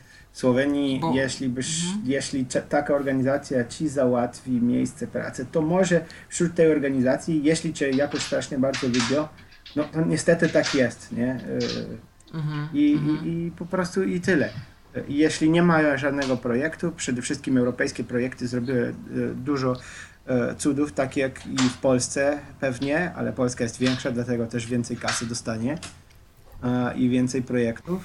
E, Także. No, różnie z tym może no, być, z tego co słyszałem w, w najbliższych latach, ale miejmy nadzieję, że, No. że dość. No, no, powiedzmy, że tak. No, tak. Mhm. E, No i w związku z tym macie o wiele lepiej, no, jeśli, jeśli tu, tu chodzi o, o rynku, pra, rynku pracy, który w Słowenii dla niewidomych ledwo istnieje. Hmm, Aha, no, a nawet jeżeli, w- jeżeli w Słowenii e, niewidomi jakąś pracę wykonują, bo mówisz, że to się rzadko dzieje, ale jeśli, to to jest y, tak jak tutaj u nas powiedzmy, że sporo, nie wiem, masażystów i osób, które zajmują się na przykład telemarketingiem, czy jakieś inne zawody, Mhm. czy w ogóle nawet tego nie ma na przykład? Ym, Jak to E, wygląda? Masażystów o wiele mniej, zdecydowanie mniej. Wcześniej e, było tego więcej. Em, Mhm. Teraz jakoś, jakoś mniej. Em, niektórzy jeszcze właśnie otrzymali miejsce telefonista. Jest pani z pani na tym urzędzie hydro, hydrometeorologicznym, którą Mhm. bardzo tam lubią. Jeszcze jest radioamatorem i tak dalej, także się zna na te rzeczy. Em, Mhm. Ale jeśli chodzi o y, takich ogólnych zawodach, to tak, tak mniej więcej podobno wygląda jak, jak w, w Polsce, czyli telemarketing, e, Mhm. Albo praca w jakimś związku dla niewidomych, albo, albo, albo masażysta, albo muzyk ewentualnie, ale to wiecie jaka No praca tak. jest muzyka. Nie? Mhm. Jasne. Um, Okej. E, W takim razie myślę, że możemy przejść e, też do tematu studiów, bo zarówno e, Andrzej, jak i Roberto, wy akurat studiowaliście też w Polsce i możecie porównać studia. Andrzej, to w ogóle masz szerokie spektrum, bo Rosja, Stany Zjednoczone, gdzieś jeszcze byłeś na studiach po drodze? Nie, tak nie studiowałem, ale uczestniczyłem w różnych projektach, więc troszeczkę tak e, wiedziałem w Niemczech, nie wiem, w Norwegii, w Szwecji i tak. Ale nie studiowałem. Mhm. Aha. E, No ale gdybyś miał porównać e, właśnie studia na przykład w Rosji e, czy w Polsce, e, podejście do studentów, podejście do jakichkolwiek adaptacji e, materiałów, wsparcia, egzaminów, e, gdzie wykładowcy byli bardziej chętni e, Cię wspierać, czy też bez różnicy, czy też było to gdzieś na podobnym poziomie? No, różnice są. I kiedy jechałem do Polski, myślałem, że tutaj będzie coś takiego na uczelni jak w Stanach Zjednoczonych. No niestety tak nie było, ale zdecydowanie tutaj, tutaj, tutaj lepiej niż e, w Rosji. Bo na początku, Mhm. kiedy e, chciałem e, podjąć studia wyższe na uniwersytecie, w ogóle spotkałem się z takim podejściem, że prawie wszyscy mówili, że e, nie będę w stanie studiować, że no jakby nie, nie nadaje się w ogóle do studiów e, wyższych i zwłaszcza w Instytucie Języków Obcych. No po prostu nie dam rady. No ale, ale jak, jak, jakoś to poszło, ale na pierwszym roku miałem do czynienia z e, e, wykładowcami, którzy naprawdę e, nie chcieli zrobić nic, żeby mnie troszeczkę życie ułatwić. Później jakoś lepiej to poszło, no już po prostu sam robiłem, już miałem jakby doświadczenie i mogłem coś tam, jakieś negocjacje prowadzić i tak dalej. No i kiedy w Rosji studiowałem na uni- uniwersytecie, nie było tam jeszcze e, takiego ża- żadnego centrum wsparcia osób z niepełnosprawnościami. Teraz już jest, ale mam wielkie wątpliwości do tego, jak on funkcjonuje, bo tak naprawdę e, został tam zakupiony sprzęt bardzo drogi i e, naprawdę dobry z Norwegii, z Szwecji w ramach mm, właśnie projektu mi- międzynarod- międzynarodowego. No ale mm, nikt nie ma dostępu do tego sprzętu, studenci z niepełnosprawnością z tego sprzętu nie korzystają, więc niestety, jak często to było w Rosji, e, kasa była zainwestowana, ale później żadnych wyników z tego nie ma. W Polsce, tutaj we Wrocławiu na uczelni mamy centrum, e, taki dział e, do spraw e, studentów, doktorantów z niepełnosprawnością. No i no, jest y, współpraca. Na, na przykład mogę tam wypożyczyć, wypożyczyć właśnie ten e, monitor bralowski. E, Można tam się zgłosić, e, żeby książkę zaadoptowali i tak dalej.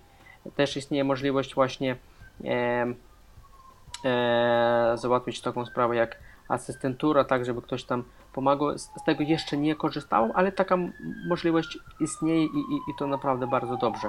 Bo kiedy w Rosji studiowałem, nic takiego nie było. Musiałem wszystko sam robić. Książek bralowskich nie było. Skanowałem, prosiłem e, studentów, e, nie wiem, rodziców, rodziny o pomoc i tak dalej, więc, e, więc zdecydowanie tutaj w Polsce jest coraz lepiej.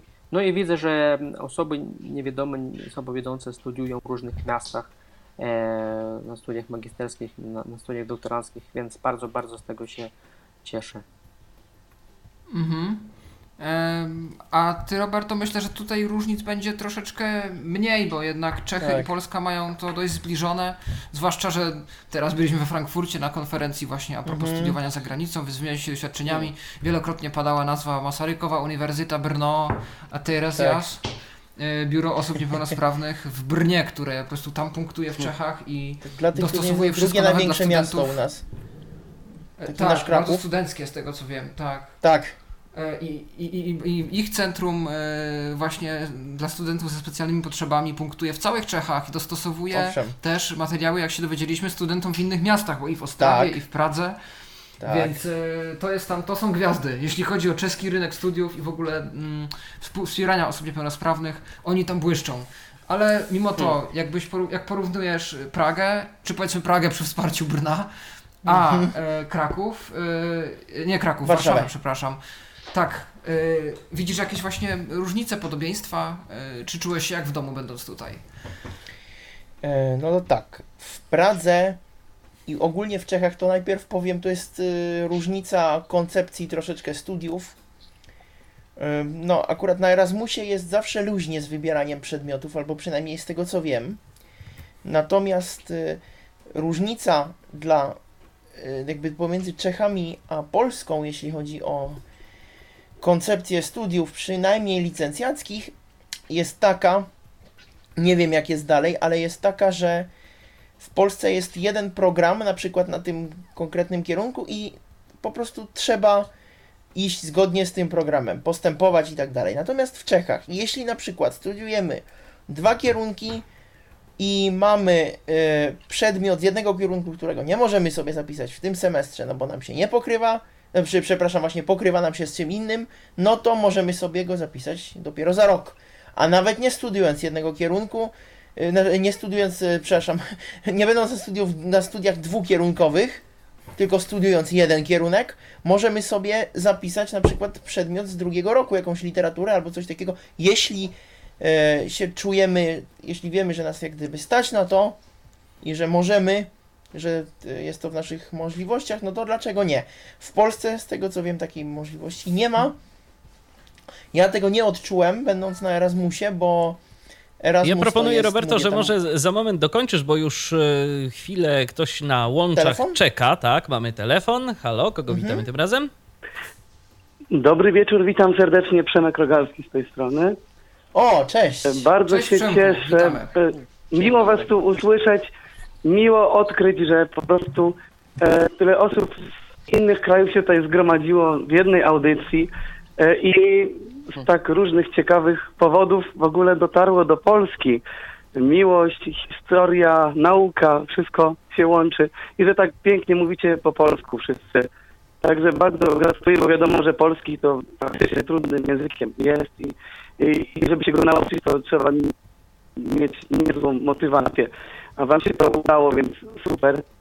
Natomiast mówicie tutaj ciekawe rzeczy o e, dostępności uczelni, e, możliwościach jakiegoś wypożyczenia sprzętu e, specjalistycznego. Chciałbym zapytać, czy właśnie po przyjeździe do Polski może zetknęliście się też e, z takim, no właśnie jak to wygląda w innych, właśnie w waszych krajach, jeśli chodzi o możliwość skorzystania z e, jakichś dofinansowań czy pomocy wypożyczenia sprzętu tak poza uczelnią, tak jak u nas są te wszystkie aktywny samorząd i inne tego typu. E, I chodzi mi też o to, czy jeżeli na przykład e, już znajdziecie się w Polsce, to widzicie, że jakieś programy czy urządzenia są może znane bardziej niż, niż w innych krajach, a może są takie rzeczy, które u Was są znane, a u nas nikt jakoś o nich nie słyszał. Takie programy czy urządzenia, wiesz co? To tyle chciałem właśnie zapytać pozdrawiam Was wszystkich Mhm. jeszcze raz serdecznie. Też pozdrawiamy. Pozdrawiamy. Pozdrawiamy. Pozdrawiamy. No to właśnie, jak z tym, z tym dostępem do dofinansowań? Yy, macie dostęp? Jako w ogóle nie oby... Znaczy, ty, Andrzeju, masz już obywatelstwo, ale rok na przykład, gdybyś chciał dost... pozyskać jakieś dofinansowanie na coś, yy, nie wiem, czy próbowałeś kiedyś albo myślałeś o tym, ale to, to już, już możesz, czy jeszcze nie możesz? Jak z tym E, jest? W Polsce to tak, e, próbowałem nawet i jestem dumnym właścicielem przez tego e, nowej komórki, nowego komputera i O, nawet fajnie. nowej linijki brajlowskiej, także O. się mi, to, mi się to udało, dzięki. Mhm. I naprawdę tu, tu jest to super, Słowenia idzie powoli za Polską w tej sprawie. Na małe rzeczy już nie ma problemu. W sensie dyktafon, nie dyktafon, e, tam ciśnieniomierze, wagi mówiące, e, takie rzeczy, to nawet załatwiałem tuż przed odejściem ze Słowenii e, sobie, co tam było? Chyba waga kuchenna, która jeszcze czekuje i, dyk- e, i dyktafon Olympus. Olympusa już zabrałem, a waga kuchenna jeszcze czeka właśnie na nową kuchnię teraz. Także e, Słowenia powoli idzie za tym, ale miałem straszne problemy w Słowenii e, dostać e, linijkę. Aha. to było oczywiście moja pierwsza linijka, to jest rok 2005, trochę nieaktualne dane, ale u nas było coś takiego, że dostałeś od e, tak zwanego NFZ-u na e, możliwość kupienia laski na rok, tak? Jedną laskę Mhm. na, na rok. Mogłeś po prostu po, pojechać do lekarza i ci napisał e, jakby recept na laskę, tak? Recepty Mhm. na laskę. Mhm. Ale e, dostałeś jedną maszynę, maszynę brajlowską na całe życie. I wtedy, kiedy, kiedy my badaliśmy o, o, o tym, żeby nam e, ktoś czy coś, jakaś instytucja narodowa kryła linijkę, to powiedzieli, nie, no to pan już ma y, y, maszyny do pisania. Aha. I, i, I co? Nie da się tego jakoś y, coś. No, jeśli by pan y, tą maszynę oddał, to byśmy, byśmy panu y, ocenili właśnie cenę. Mówię, wy żartujecie, ta maszyna nie, ma- nie jest warta 250 euro, a linijka kosztuje kurczę 5000 euro, tak? E, To skąd mam pozbierać, tak? De, także moja ostatnia linijka, którą przy, przywiozłem ze Słowenii była zupełnie moim kupnem i mm, praktycznie sobie poskrobałem konto wtedy, e, że, że to w ogóle sobie kupiłem. Um, No tak. Także, także to, było, to było trochę trudne. Czyli linijki, takie specjalistyczne pomoce raz na całe życie, ale e, nie wiem, dofinansowanie komputera na przykład, czy, czy jakiejś licencji na JOSa, czy na inny screen reader, to można pozyskiwać raz na jakiś czas, czy też na całe życie? E, Teraz, teraz chyba się jest, już coś tam zmieniło, ale w, jak ja odrasta, jak ja poszedłem do liceum, to właśnie e, e, nawet trochę nam pomógł Lions Club, ale nawet Lions Aha. Club nam z różnych tam powodów nie mógł pomóc wtedy. Także, Mhm. przepraszam za hałas. Także, także też właśnie zbieraliśmy dotacje po prostu i przez dobrych ludzi dało się e, dostać licencję na JOSa, no bo wtedy NVDA jeszcze nie istniał i kto o czym wiedział No tak. wtedy. No. No tak. Ym, Jasne. Także to było, to, było, to były straszne koszty, ja pamiętam. Za linijkę było wtedy No tak. mm, 5000 euro, a za resztę, to znaczy komputer, karta dźwiękowa, JOS i, wszyscy, i kalkulator, poszło jeszcze dodatkowych 5000 euro. No tak. No dobra, No to rzeczywiście. No to my tu my, widzę, że jesteśmy dość szczęśliwi z tym, że mamy właśnie, czy kiedyś był komputer dla Homera, teraz jest aktywny samorząd. No bo chociaż trochę mhm, tych, mhm. tych sprzętów można pozyskać i jest to raz na 3 lata, Mhm. więc rzeczywiście Mhm. no, No, no miło słyszeć, że u nas to tak działa. Mhm. Tak, to macie a naprawdę są jak- super załatwione. A, a jakieś takie sprzęty, nie wiem, są takie na przykład sprzęty Tyflo, które, nie wiem, przyjechaliście do Polski i pierwszy raz w życiu zobaczyliście, albo są łatwiej dostępne niż, niż, niż u Was. Y, y, czy coś tego typu, jakieś takie zaskoczenie było dla Was w tej kwestii? Jakiś szok technologiczny, czy, czy raczej nie? Albo na przykład, że czegoś nie ma, co, co u Was y, w domu jest normalnie. Y, No, ktokolwiek z Was ma jakiś pomysł w tym momencie. Ogólna dostępność do języku polskiego. E, W Słowenii, w Słowenii e, dopiero w ostatnich dwóch latach się zaczęły pojawiać rzeczy, które e, urządzonka, które faktycznie mówią po słoweńsku, tak? Wcześniej Mm. korzystaliśmy z A, w angielskich, ten niemieckich, włoskich. Mm, mm. Mhm. Tak, No, i, i tu włączysz niby albo iPhone, no iPhone, no zostawmy to, albo, albo jakieś inne urządzonko kupisz, wszystko gada, po, masz gadający zegarek, o, po polsku. Mhm. Mhm. No ja muszę mnie trochę zaskoczyło. chyba nie sprzęt, ale mm, na przykład wracając jeszcze do tej uczelni, bo po- potem bym dokończył Aha. ewentualnie to, co zacząłem. No, jasne. Mhm. Ale najpierw powiem, że pierwszy raz w życiu, domyślam się, że w Brnie u nas mogą to mieć. Pierwszy raz w życiu widziałem w Warszawie coś takiego jak 3D mapę e, kampusu uniwersyteckiego. To naprawdę e, dostali pewnie też jakąś kasę i po prostu wydrukowali. Bardzo, bardzo fajnie zrobiona mapa e, i mi to pomogło naprawdę, jeśli chodzi o orientację na kampusie uniwersyteckim w Mhm, Warszawie. Mhm, E, mhm. no, natomiast Mhm. wracając jeszcze do tych, do tej To do uczelni. tych do, studiów może jeszcze, dokończmy ten temat i możemy lecieć Tak. dalej. Mhm. mhm. No to biuro dla osób niepełnosprawnych w Pradze nie działa tak dobrze. Ono działa nawet w miarę, ale to idealne nie jest. Lepiej jest właśnie w tym Brnie, o którym cały czas tu mówimy. A Warszawa to jest takie, czy- takie polskie Brno, jeśli chodzi o biuro dla osób niepełnosprawnych, bo w Warszawie są ludzie, którzy się na tym znają w biurze dla, dla osób niepełnosprawnych na, na uniwersytecie. Można sprzęt wypożyczyć, no to w Pradze też można, ja z tego nigdy nie korzystałem, co prawda, ale można. E, normalnie mm, skanują i dostosowują literaturę. Znowu w Pradze też to jest, ale no działa to trochę wolniej z tego co wiem niż w Brnie, więc warto korzystać też z Brna z tej, z tej biblioteki, a w Warszawie właśnie to Warszawa ma taką bibliotekę, e, taką główną i dostępną, do której chyba można się zapisać nawet studiując gdziekolwiek w Polsce jako osoba niewidoma. Można, przy czym e, ja jak zgłosiłem się o dostęp przez mój bon na Śląskim, to mi powiedziano, że nie pamiętam jaka była argumentacja teraz, albo że koszty jakieś są wysokie, albo że nie, po prostu nie. I gdyby była jakaś potrzeba mi coś sprowadzić z zewnątrz, to są mi to w stanie zrobić. Więc albo moja adwokatura w tej sprawie słabo zadziałała i argumentacja, albo jakieś inne tam powstały opory, przeszkody. Y, No mi w każdym razie tego dostępu nie To udzielono. dziwnie bardzo, bo ja zapisując się na, do, do tej biblioteki normalnie widziałem listę, gdzie były po prostu uczelnie. Można było wybrać, że nie tylko tam w Warszawie, tylko no właśnie w Poznaniu czy tam Aha. gdziekolwiek. A to może, może, bo zdaje się, że ja dostałem informację, że trzeba przez bon się tam rejestrować, ale Mm. em, no nie wiem. Mhm. No w każdym razie ja na dostępność naprawdę nie mogę narzekać, a no w Pradze to tak, no ale, ale nie mogę narzekać o tyle, że się dogadujemy z wykładowcami i w razie czego to służy to Brno, no albo nasz bon też w Pradze, on jest i on mówi, on działa, mm, tylko jest zdecentralizowany i w sumie to na każdym wydziale jest, jest jego część, plus jest ta część, która na przykład dostosowuje właśnie książki, nie? Przystosowuje i tak dalej. Yy, a w Warszawie, no to mm, naprawdę byłem zadowolony, jak robiłem egzamin z języka polskiego, co jest tak naprawdę to była moja inicjatywa. To nie było w żaden sposób związane z uczelnią. Oni nawet mnie zapytali, jakiego yy, czytnika ekranu używam, czy używam linijki brajlowskiej, a jeśli tak, to jakiej.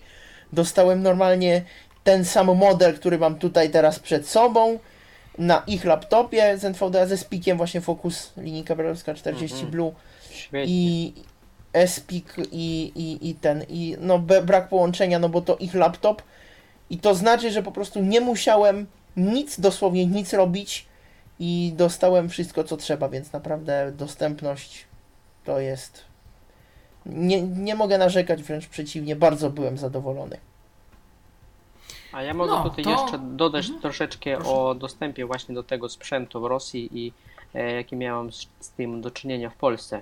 Bo w Polsce osoba, Mhm. która ma niepełnosprawność, może e, mieć tą, no jeżeli przy, przyjedzie z innego kraju, może mieć tutaj orzeczono, o, o, orzeczenie o niepełnosprawności, jeżeli posiada e, tak zwane zezwolenie na pobyt stały.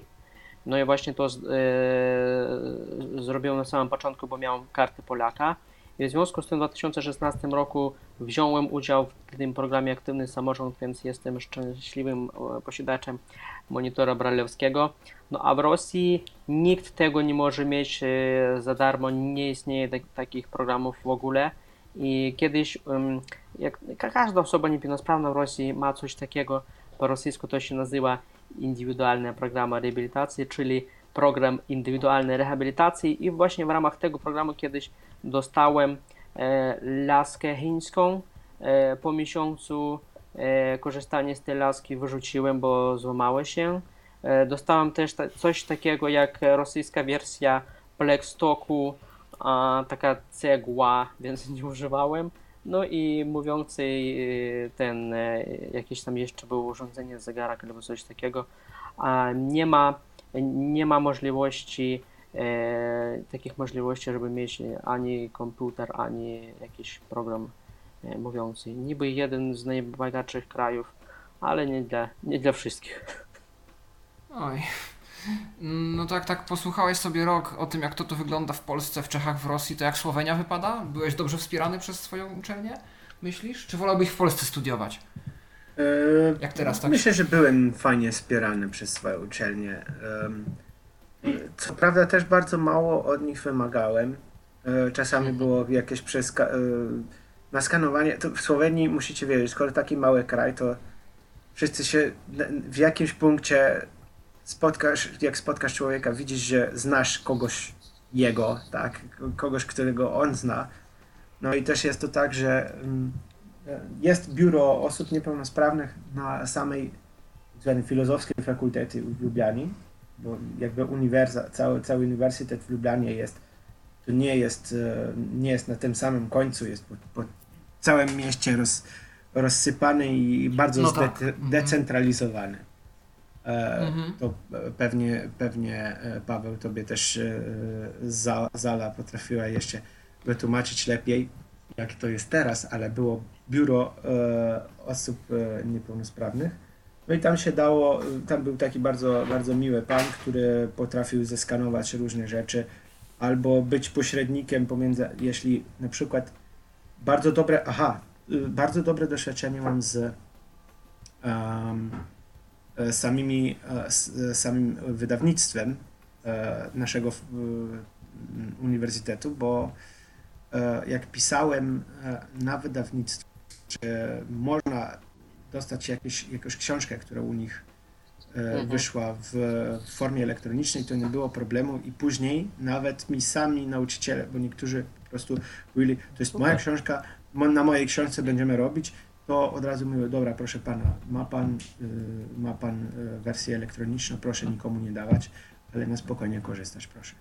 Wiesz, Mhm. to tu, tu, tu naprawdę czegoś takiego nie spotka człowiek y, codziennie i, i bardzo, bardzo fajnie wspomniałem właśnie tę przygodę. Plus to, że poza tym, że mieliśmy bardzo dobre też, y, jak to powiedzieć, taką społeczność osób niepełnosprawnych, też po- była taka tak zwana y, tutorka osób niepełnosprawnych, która się zajmowała naszymi sprawami, y, była mediatorem, jeśli było trzeba i tak dalej.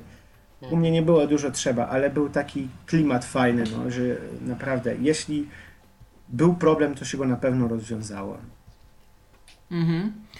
No właśnie, a ta, ta integracja osób niewidomych, jak porównujecie e, u siebie, a tutaj, e, no bo my mamy różne organizacje, w każdym mieście jest inna, żeby było ciekawiej. Znaczy jest PZN, który pewne rzeczy i tak robi rozbieżnie, bo inne akcje dzieją się we Wrocławiu, inne w Warszawie, inne w Krakowie, inne gdzieś.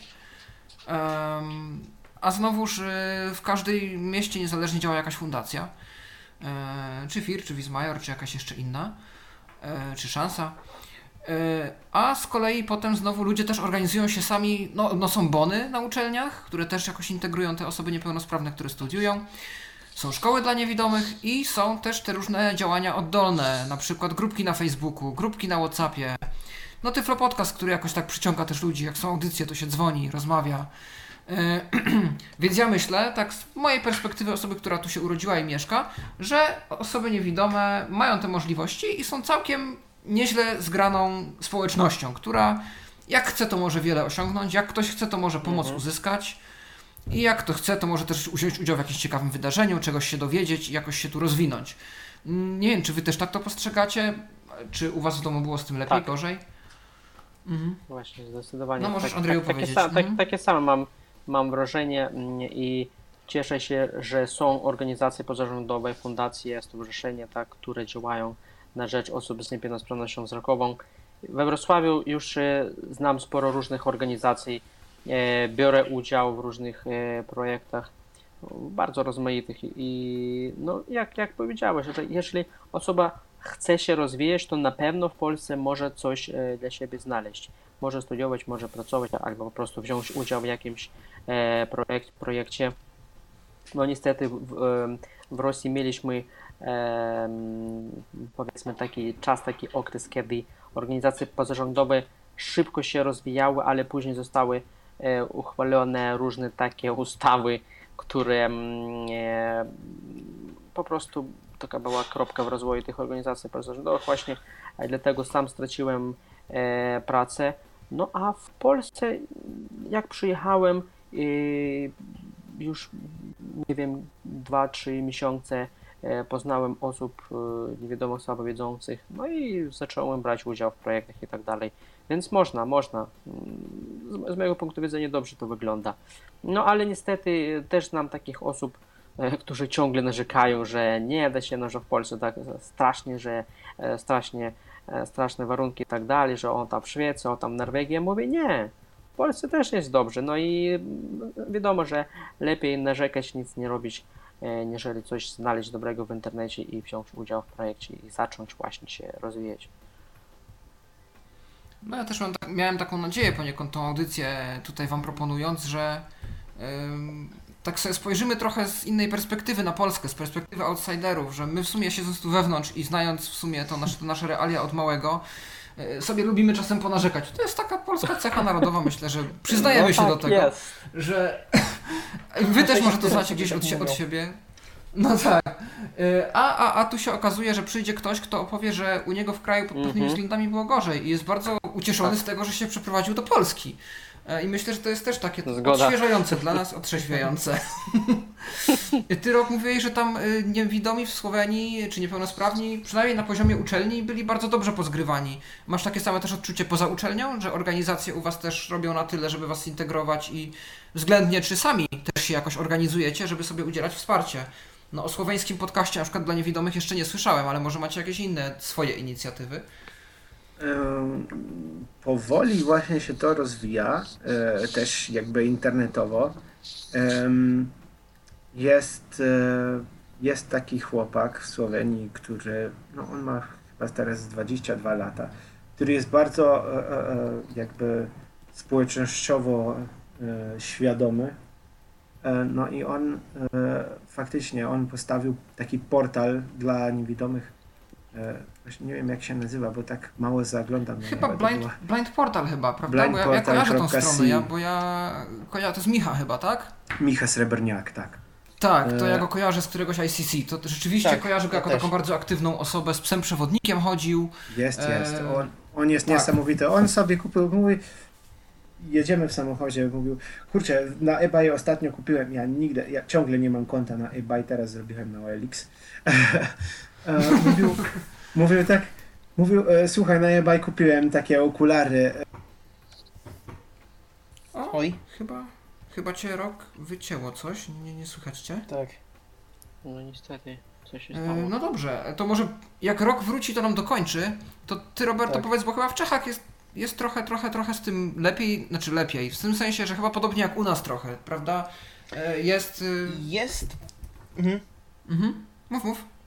No jest podobnie do Polski, ale mam wrażenie, że w Polsce z jakiegoś powodu niewidomi troszeczkę lepiej o sobie wiedzą i bardziej. Ja nie wiem, to znaczy u nas jest na przykład jest zawsze grupa związana z czymś. Na przykład z takim ośrodkiem rehabilitacyjnym tutaj w e, Pradze, e, który ma kursy dla na przykład dla tych, którzy dla ociemniałych, dla tych, którzy straciły, stracili wzrok.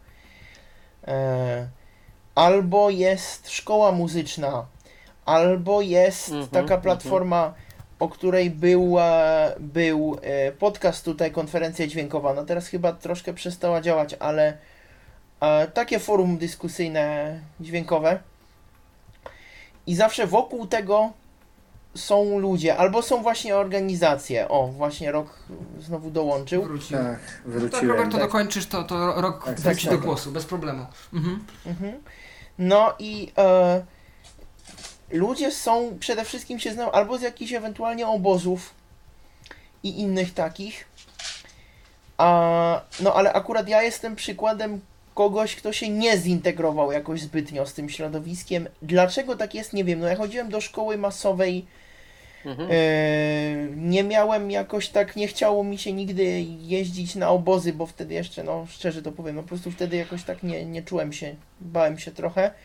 Dopiero później e, po, po prostu dostałem właśnie taką motywację znowu od ludzi z Polski, w sensie no jak inni mogą, no to dlaczego ja nie?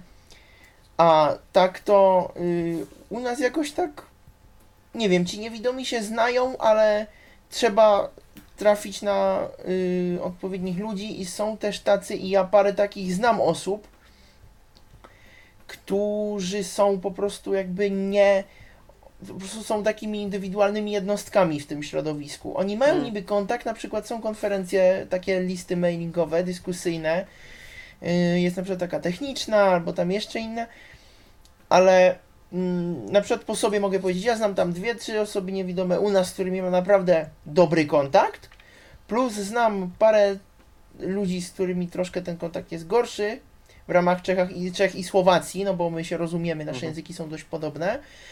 i wiem też o wielu osobach, ale mm, tak ogólnie to mam wrażenie, że albo jeśli chodzi o Polskę, to trafiłem na środowisko, które się zna i nie wiem o takich niewidomych, którzy by byli y, poza nim tak naprawdę bardzo, albo, albo w Polsce rzeczywiście lepiej to trochę jest niż u nas, ale ci niewidomi gdzieś tam o sobie wiedzą i kontakt jest, y, chociaż nie zawsze taki idealny, ale, ale jakby to, to jakoś jest. Obozy są głównie dla dzieci. To też jest takie stowarzyszenie rodziców dzieci niewidomych i tam właśnie na przykład poznałem kilka, teraz kilkoro znajomych teraz co mam yy, w podobnym wieku. No i tak, ale z tego co obserwuję, to w Polsce chyba z tym zgraniem środowiska jest albo lepiej, albo ja po prostu trafiłem na was i w związku z tym mam takie Mhm. wrażenie, jakie mam. Nie wiem, Paweł, czy ty, jak- jakbyś to ty skomentował. Y, Znaczy, jak patrzę na te grupy facebookowe na przykład, teraz powstała grupa Niewidomi, Niedowidzący, Bądźmy Razem. Tak. E, To jest tam mnóstwo osób, parę tysięcy mam wrażenie. Tak, I czasami się śmieję, że ten kraj ma 40 milionów ludzi, a ja mam wrażenie, że znam wszystkich niewidomych, bo gdziekolwiek ktoś, nie wiem, ktoś postronny, nie wiem, spotkam kogoś widzącego, kto, a kiedyś spotkałem osobę niewidomą i jak tak drążę, ja już zaczynam drążyć, bo ja po prostu domyślam się, że to będzie ktoś, kogo gdzieś spotkałem No, no. i z reguły okazuje się, że to ktoś jest. Tak samo jak czytam o kimś niewidomym w gazecie, jest jakiś artykuł, że niewidomy tam kogoś zaskarżył albo coś tam osiągnął fajnego. E, I patrzę od razu, skąd, jak się nazywa. Powiedzmy, nawet wystarczy Mhm. imię pierwsza litera nazwiska, bo często tam czytam pani, taka, skądś. Aha, chyba ta osoba. Więc to już jest No ten tak. etap, że po prostu mam wrażenie, że znam tu wszystkich, ale jest trochę, myślę, też takich osób, które. I to jest chyba już kwestia w tym momencie, na tym etapie, e, częściej chyba własnej woli niż dezinformacji, e, że ludzie nie chcą się integrować. Jest trochę takich No osób. tak, tak, troszkę. E, Mhm. I te osoby, no o nich nie wiadomo za wiele. One gdzieś istnieją, one funkcjonują, jakiś sobie Mhm. sposób na życie znalazły i my o nich nie wiemy. Ale sporo osób, i myślę, jest ich coraz więcej, zwłaszcza, że widzę, że na właśnie niedowido- niewidomych, niedowidzących, bądźmy razem, pojawiają Mhm. się osoby, na przykład z mojej uczelni, z Hmm. jakiegoś w ogóle mojego wydziału. W życiu o osobie nie słyszałem, nie mamy żadnych wspólnych znajomych. E, A studiuję na jakimś tam wydziale filologicznym, tylko inną filologię. I się okazuje, że e, mają jakąś delikatną niepełnosprawność wzrokową. Powiedzmy, ten wzrok im się stopniowo pogarsza, ale już postanowiły się zawczasu zapisać do takiej grupy, żeby w razie czego zasięgać porady a propos okulistów, No tak. a propos jakichś orzeczeń, a propos co można jeszcze ratować, a czego się już nie da ratować. E, I to jest takie proaktywne działanie, że na wypadek, gdyby mi się coś stało w przyszłości, ja mam już swoją sieć wsparcia. Mhm. I myślę, że No to i- działa fantastycznie. No, u nas takiej Tak. platformy nie ma. Muszę powiedzieć, że e, jakby jest taka grupa facebookowa niby albo dwie, ale tam malutko postów się pojawia i no właśnie jakby dostęp do takich informacji jest gorszy, jest trochę gorszy jednak. Hmm. No i też jest, ale też jest tak, że mniej więcej o tych niewidomych jakby się wie, mówię, ja te imiona i nazwiska kojarzę i tam coś tam wiem, nie, nie zawsze oczywiście, ale, ale jakby coś tam jest, ale, ale takiej platformy dobrej moim zdaniem jeszcze nie ma. Albo to Mhm. idzie po znajomości te informacje i tyle. Aha, e, no my też mamy też tą inicjatywę Opisujemy, która moim zdaniem jest też fantastyczna. Oj tak. Z jednej strony dlatego, że oczywiście my coś z tego mamy, jakieś te memy opisane, jakieś zdjęcia, jak potrzebujemy, czy filmiki, Mhm, mhm, ale z drugiej mhm, strony mhm. to integruje poniekąd. Integruje i tak uczula te osoby widzące, które się dołączają na tą pomoc. I wiem, że jest ta inicjatywa Be My Eyes, która jest też fantastyczna i też Tak. wiele osób tam siedzi jako wolontariusze. Tak, to jest dobre. No i dzięki opisujemy można rekrutować ludzi do Be My Eyes, dzięki Be My Eyes do opisujemy. I, I fajnie, że to się rozwija i że mm, mamy sporo właśnie też takich wolontariuszy, którzy aktywnie się podpinają i nawet przez ten internet, nawet nie zapisując się do żadnej organizacji, chcą pomagać. Więc myślę, że tu mamy to też, też ja, ja- muszę to ocenić jako Polak, że to działa fajnie. E, To dokończ może rok o tej Słowenii, bo to było bardzo ciekawe, że, że na tym eBayu jakieś okulary ten, tak. ten Micha chciał Tak, kupować. po prostu chciał robić eksperymenty e, takie same jak to z tym zamienia, e, zamienianiem pieniędzy, no nie? Mówisz, możesz mi Mhm. zmienić 10 euro, a dasz mu 50, czy jest dość szczery i tak dalej, i tak dalej. To, to, to jest dość stare, to jakiś Amerykanin robił, potem robił jakiś Słowenin. No, ale chciał właśnie Mhm. tak trochę widzących sprawdzać na niektórych rzeczach. Nie wiem, co w końcu z tego powstało, czy w ogóle, czy po prostu. Ale w każdym razie e, prowadzi fajną społeczność i jakoś się stara też promocją oczywiście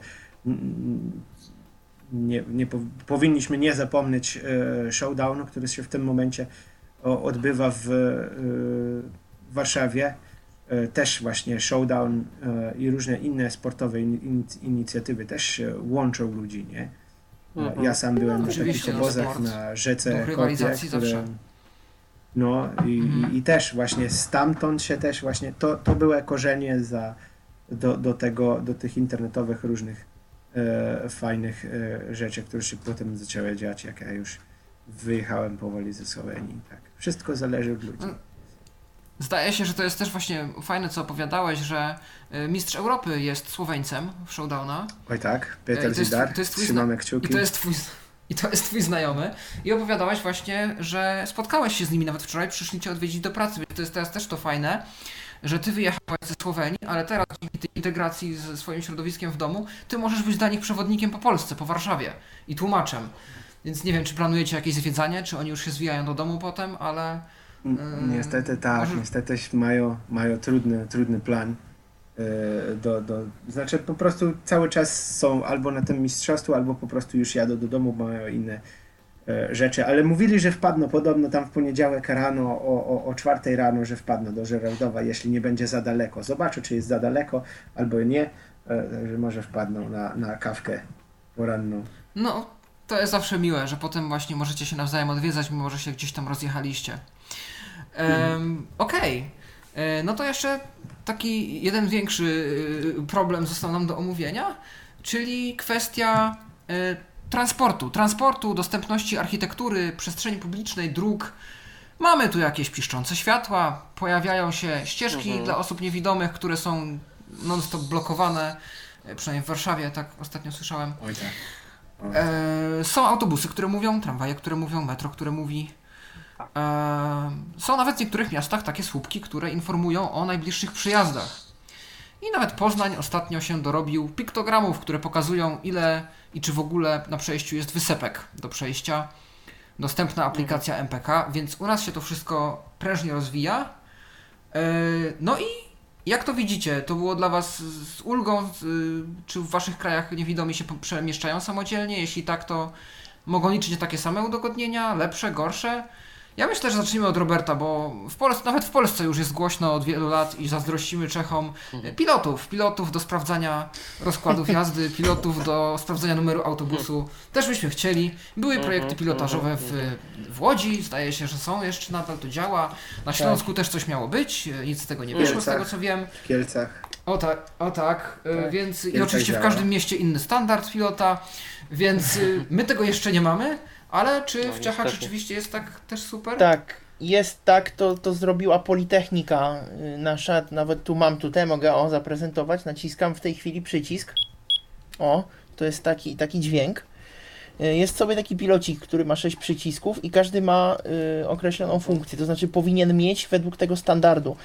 Czyli na przykład można sobie sprawdzić, która to linia, jak przyjeżdża tramwaj lub autobus. Można sobie sprawdzić w Pradze, gdzie jest wejście do metra.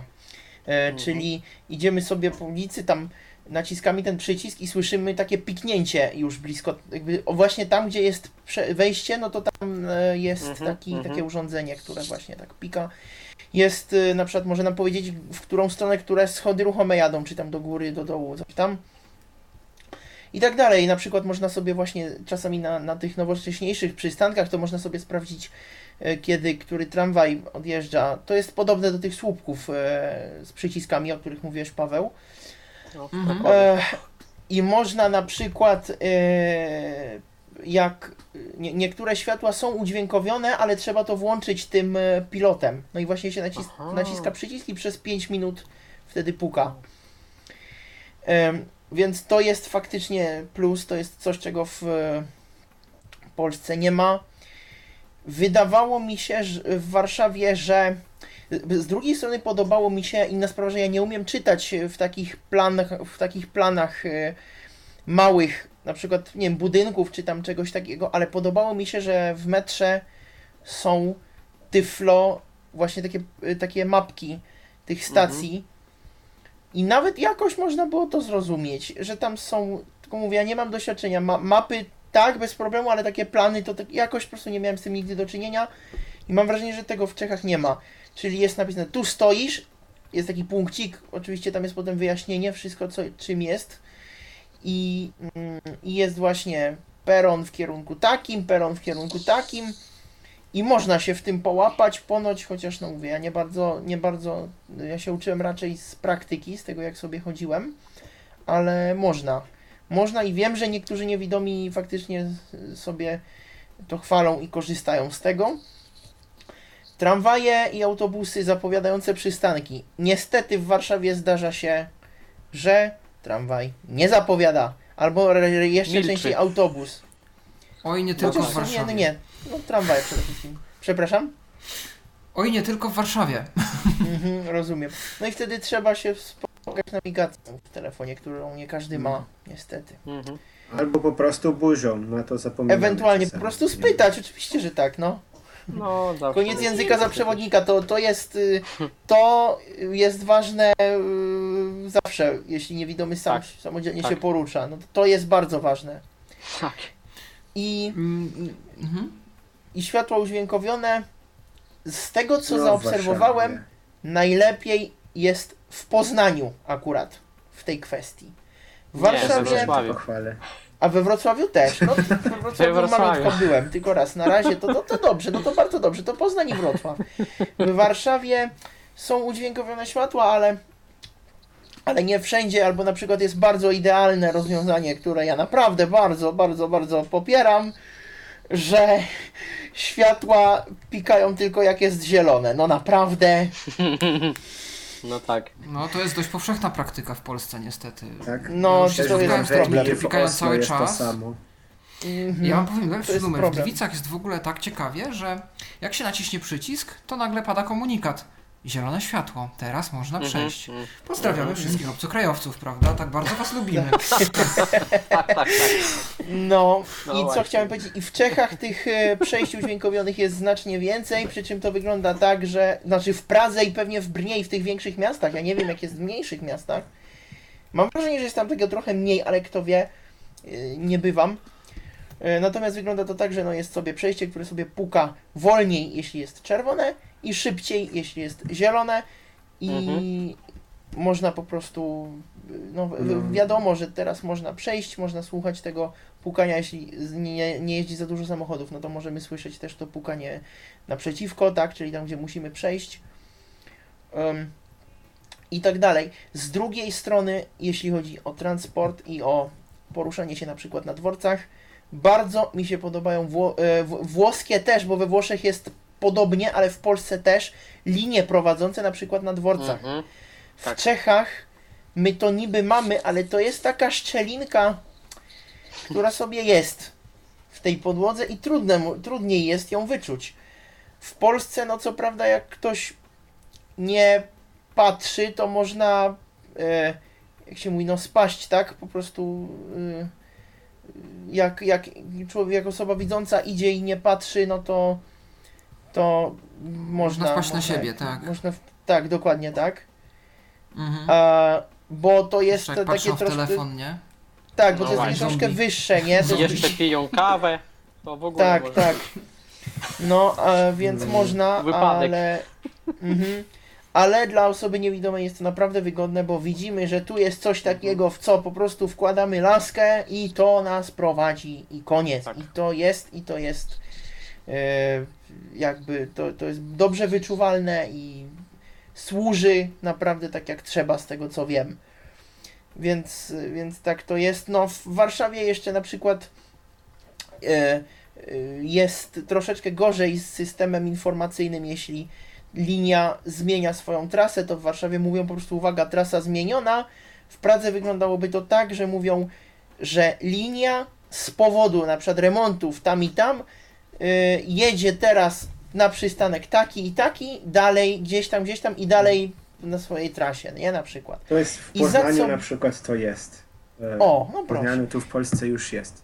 I za co naprawdę polubiłem Warszawę, to jest, to są tak zwane indeksy przystanków.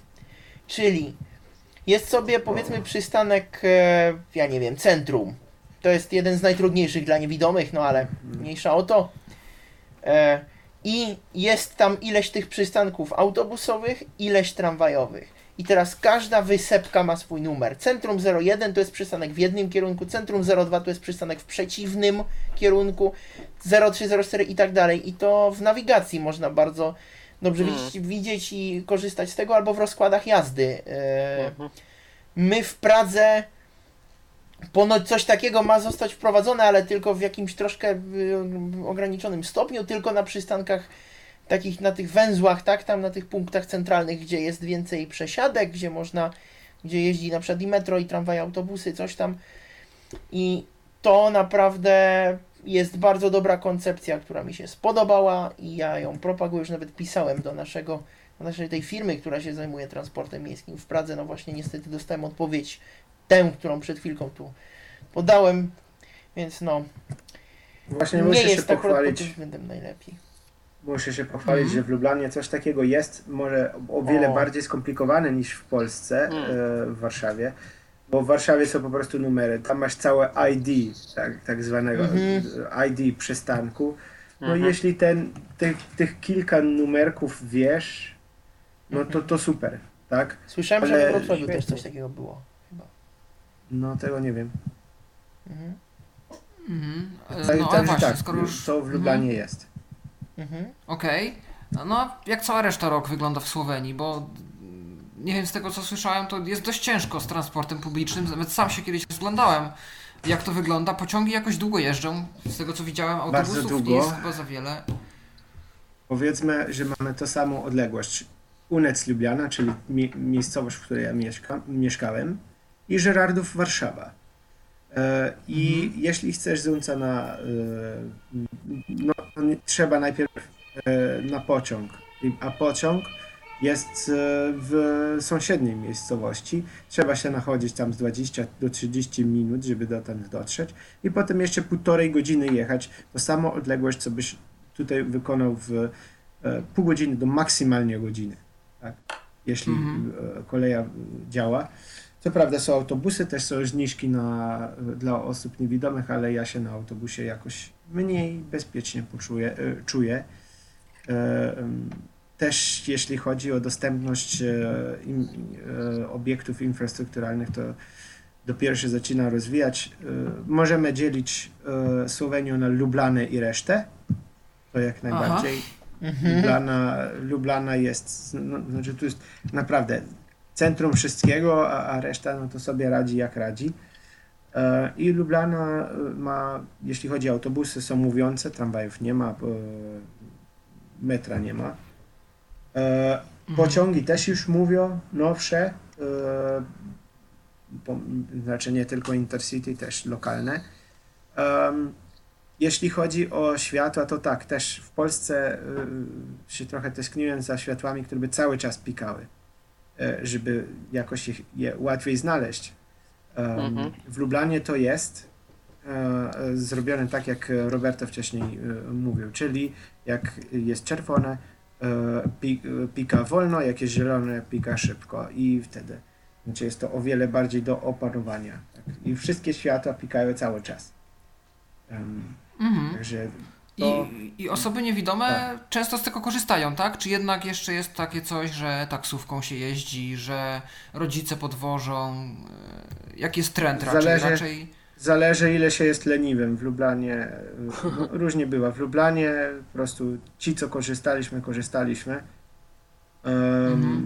myślę, myślę, że całkiem w, w Lublanie tak, korzystają z tego, ale gdzieś indziej to już jest też problem, no bo dopiero zaczyna się coś robić w tym sensie. E, Cztery lata temu powstał tak, powstała taka mm, nawet nie fundacja, tylko takie biuro Dostop, czyli dostęp. E, Mhm. I oni zaczęli to trochę bardziej promować, nie tylko dla niewidomych, e, też dla e, ludzi na wózkach i tak dalej. E, no i właśnie dzięki nim teraz e, robią całkiem, całkiem kompleksowy e, system ścieżek prowadzących e, po całym centrum miasta Lublany, m, które ma doprowadzać do tak jak tory, tak, doprowadzać do, do różnych tam bardzo ważnych e, urzędów, czyli poczta, czyli magistrat, cie- e, ratusz.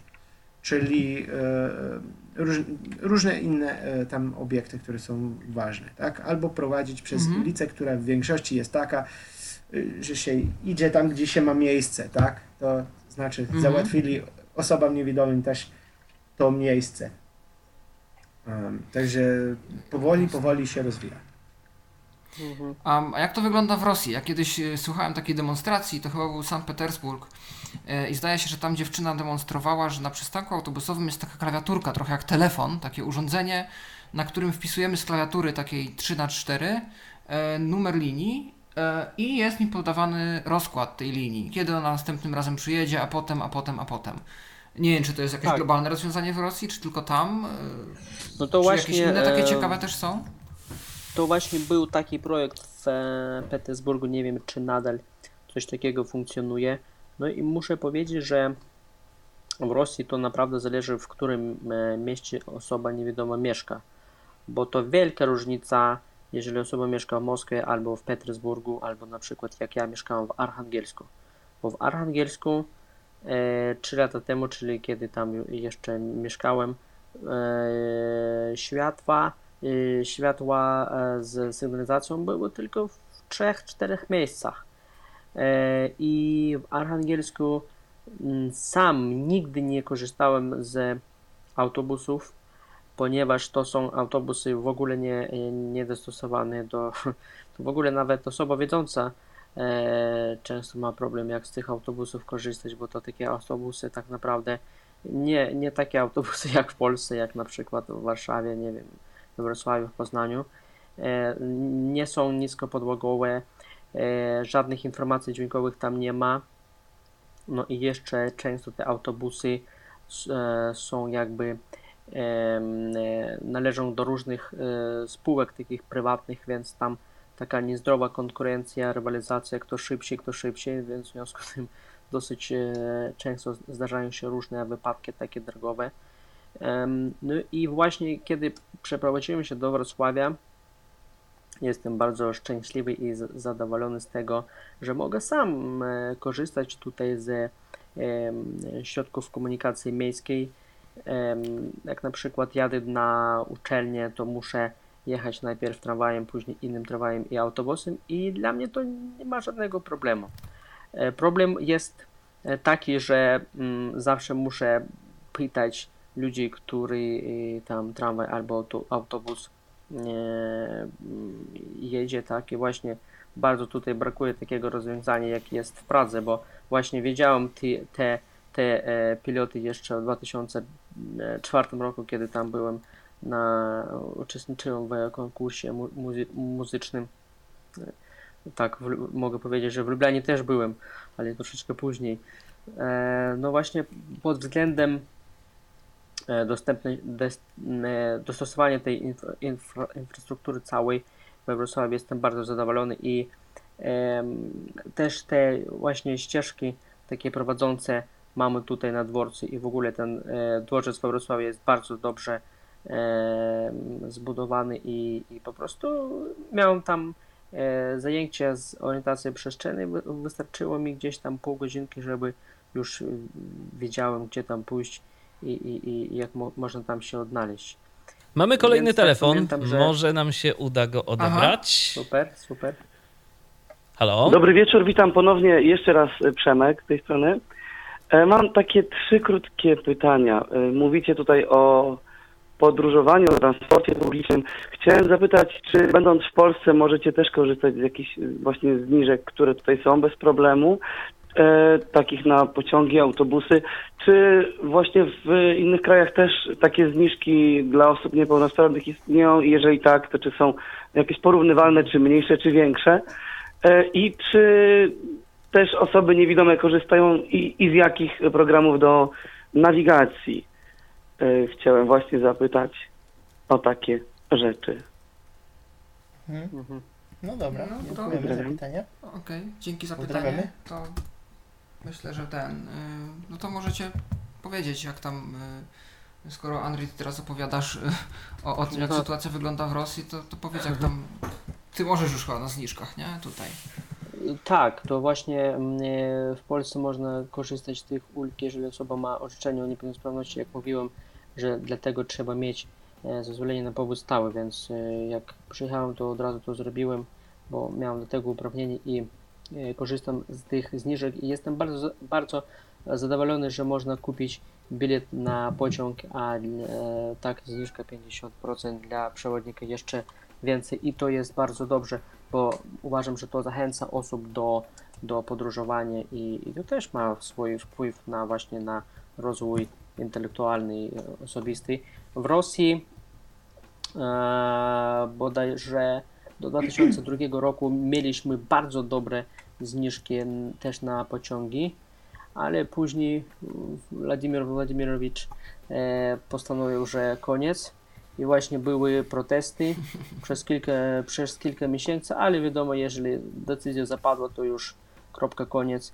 I, i, i, i, mm, zgodnie z nową ustawą zrobione tak, że niby osoby niewidome e, mają więcej e, kasy, ale to, ale to naprawdę mm, tak nie jest, bo te, te, te zniżki były coraz więcej niż te pieniądze, które osoby z niepełnosprawnością dostały.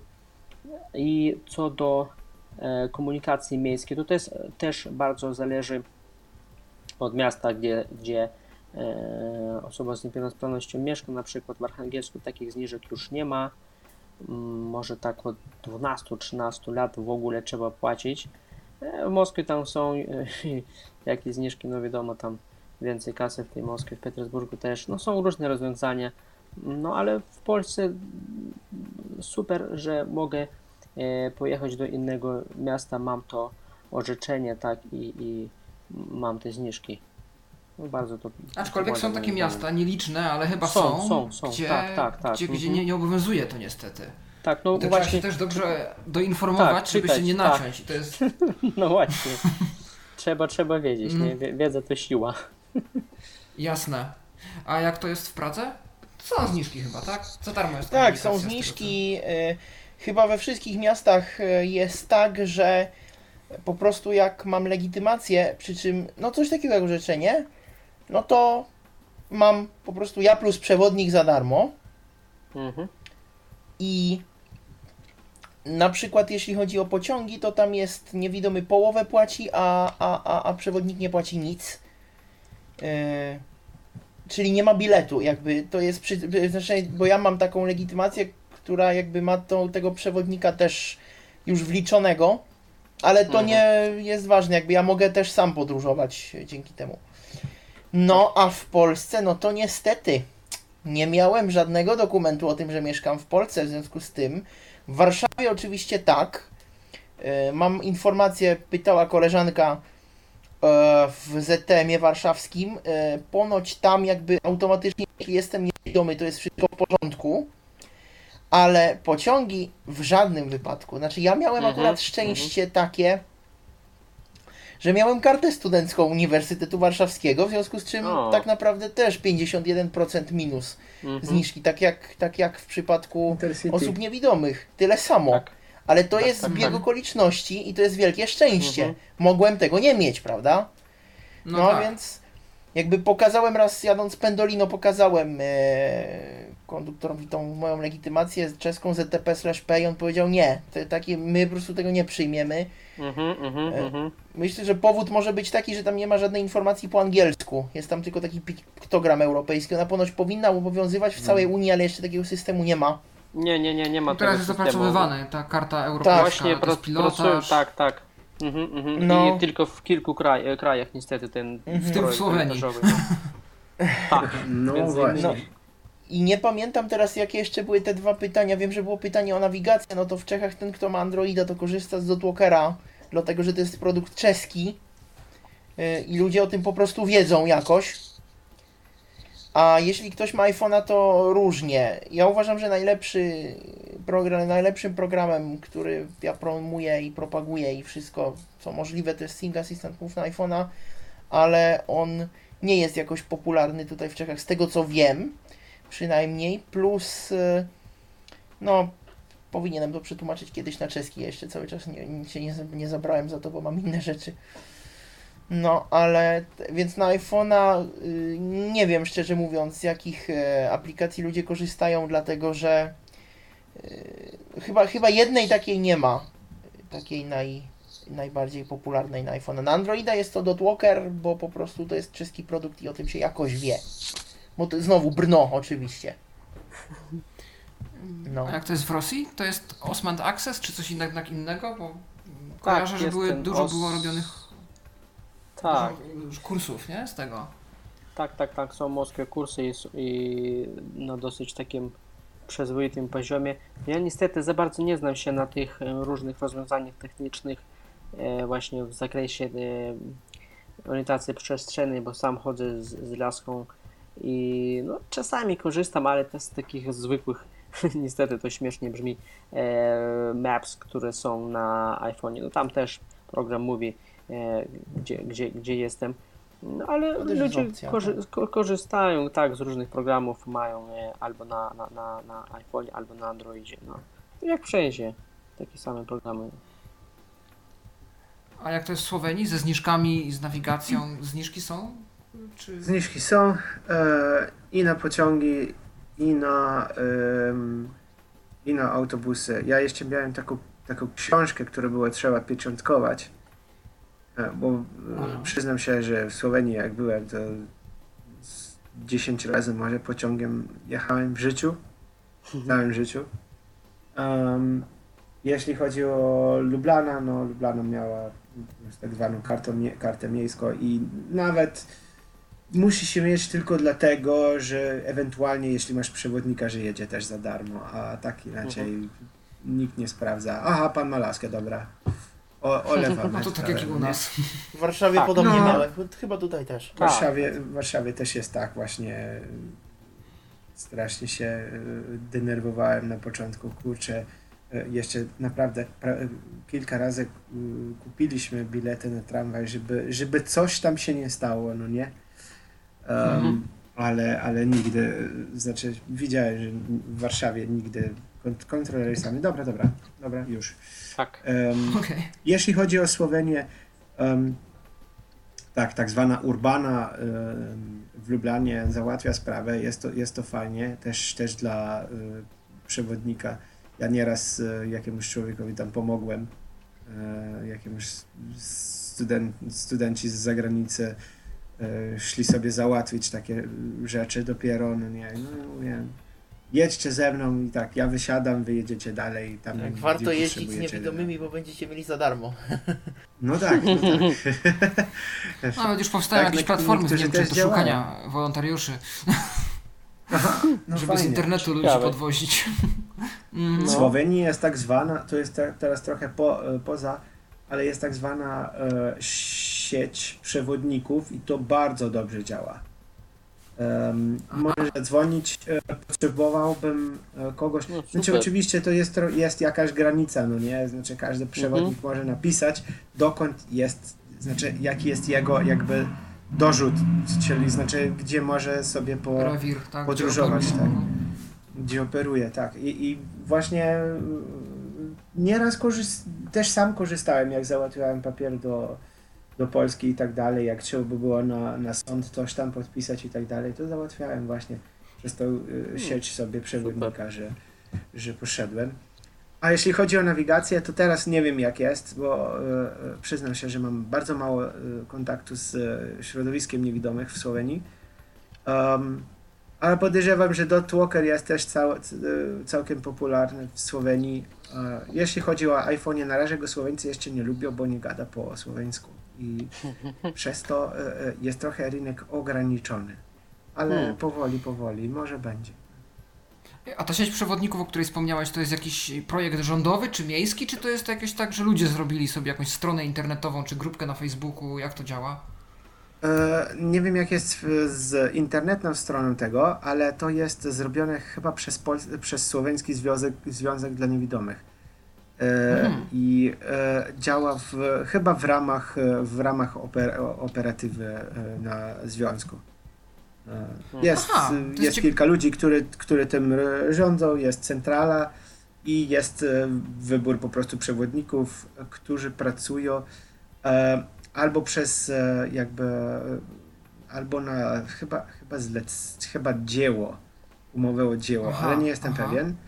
Um, Albo nawet wolontariuszy po prostu, Mhm. którzy mają czas. To są albo studenci, albo y, jakiś starsi ludzie. Y, Jeśli ma samochód, to jeszcze tym lepiej. E, Niewidomy jest, ma możliwość skorzystać z chyba 8 godzin za darmo. Mhm. Z jednym, chyba z jednym, z jednym Miesięcznie, e, tak? miesięcznie, a resztę, a resztę po prostu dobrze. E, coś tam małego, małego zapłaci. W Mhm. większości to są grosze, czyli centy. Em, I nie ma jakichś problemów. No, znaczy bardzo, bardzo dobrze to działa. Jeśli ma przewodnik jeszcze samochód, to nie? Wtedy jesteśmy już w raju, tak? Wtedy możemy się zbierać nawet w górę. No, bardzo dobra inicjatywa, bardzo, no. No, zgadzam Właśnie się. wiem, że w No Warszawie, też w Warszawie też to kiedyś działało z inicjatywy Wismajoru. Ja raz z takiej pomocy korzystałem, Mhm. Że musiałem się dostać z dworca zachodniego, a wtedy jeszcze czułem się na tyle, na tyle zależny, że podróżowałem sam pociągiem, na tyle, nie, na tyle niezależny, że podróżowałem sam pociągiem, na tyle zależny, że nie miałbym odwagi iść i tej trasy pokonywać samodzielnie, gdzie musiałem dotrzeć. Teraz już, no jakoś Mhm. mam z tym mniejszy problem. I wiem, że mm, rzeczywiście jak w- odpowiednio wcześnie napisałem tam maila do Wismajoru, to oni mi zaaranżowali to, że dawali mi numer do tej przewodniczki i ta pani rzeczywiście przyjechała na dworzec i mnie zawiozła pod adres, który ja potrzebowałem. Więc y, rzeczywiście też, też to fajnie. Nie wiem, czy to jeszcze istnieje, bo dawno nie słyszałem, żeby ktoś tego używał, ale y, jeśli istnieje, to no chwała temu i niech jak najdłużej służy. No w Pradze też E, takie a- stowarzyszenie Mhm. jest. I z tego co wiem, to Mhm. korzystają z tego na przykład rodzice nie, dzieci niewidomych, którzy po prostu y, kontaktują się z takim stowarzyszeniem i ktoś tam pomaga temu dziecku z- jakby w drodze do szkoły, czy tam Mhm. jakieś inne y, zajęcia, cokolwiek, Mhm. Więc... A nie wiem, czy w więc w Pradze nie istnieje też coś takiego, to koleżanka mi znowu opowiadała. Mm, Ty zdaje się tego nie używałeś, bo rozmawialiśmy o tym. Infolinia, gdzie możesz zadzwonić i zapytać o no, drogę dokądś. I to oni się ono- opiszą. Znaczy, tak, też o tym słyszałem, ale czy tak jest, nie wiem, szczerze mówiąc. Aha, no to, to ciekawe. E, a ty rok możesz Zeptem korzystać ze zniżek na autobusy?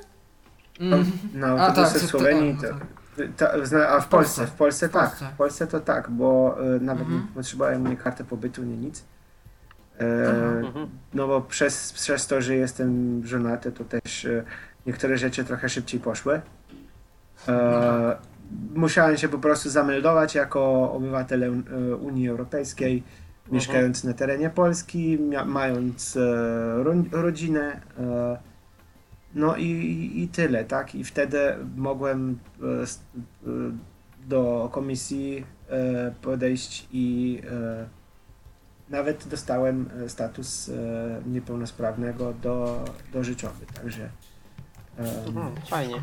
bez renty, to prawda, Mhm, renty nie mhm. mam, ale, ale wszystkie dostałem, zrobili mi legitymację i wszystko, także to naprawdę Mhm. e, Mhm. ze wszystkich zniżek mogę korzystać. Plus, jak mówiłem, z aktywnego samorządu. Było Mhm. bardzo, bardzo fajne. Okej, to skoro, skoro mówimy tu już o tym, e, o tej sytuacji właśnie z zameldowaniem i tak dalej, to pytanie w sumie chyba do Andrzeja. Może się przydać może obcokrajowcom, którzy rozważają pobyt w Polsce w przyszłości. Em, czytałem trochę o procesie pozyskiwania obywatelstwa i dokumenty, No tak. dokumenty, raz jeszcze dokumenty i egzamin z języka jest. polskiego. Był to dla no Ciebie właśnie. dostępny proces, czy nie bardzo? Nie. Nie. Mhm. E, Z tym, z tym e, egzaminem miałem sporo problemów, ale udało się znaleźć e, stosowne rozwiązanie. Najpierw napisałem do Szkoły Języka Polskiego jako obcego tutaj we Wrocławiu na Uniwersytecie Wrocławskim i z tej szkoły sk- skierowali moje pytania do komisji w Warszawie. Napisałem, zaproponowałem czego e, potrzebuję. No i z, zorganizowali w taki spo, sposób, że pisałem ten egzamin w pokoju sam. Miałem asystenta. Czas napisania tego egzaminu został przedłożony o mm, połowę, ale tak się zdarzyło, że pisałem e, przez prawie 9 godzin, bo te wszystkie teksty nie były dostosowane, e, więc miałem sporo problemów tak naprawdę. No wiadomo, jak te wszystkie testy językowe, że trzeba jednocześnie czytać tekst i jednocześnie coś tam w tabelce uzupełniać i dla mnie to był wielki problem, ale się udało. I em, co do e, obywatelstwa, są kilka takich ścieżek, tak bym powiedział.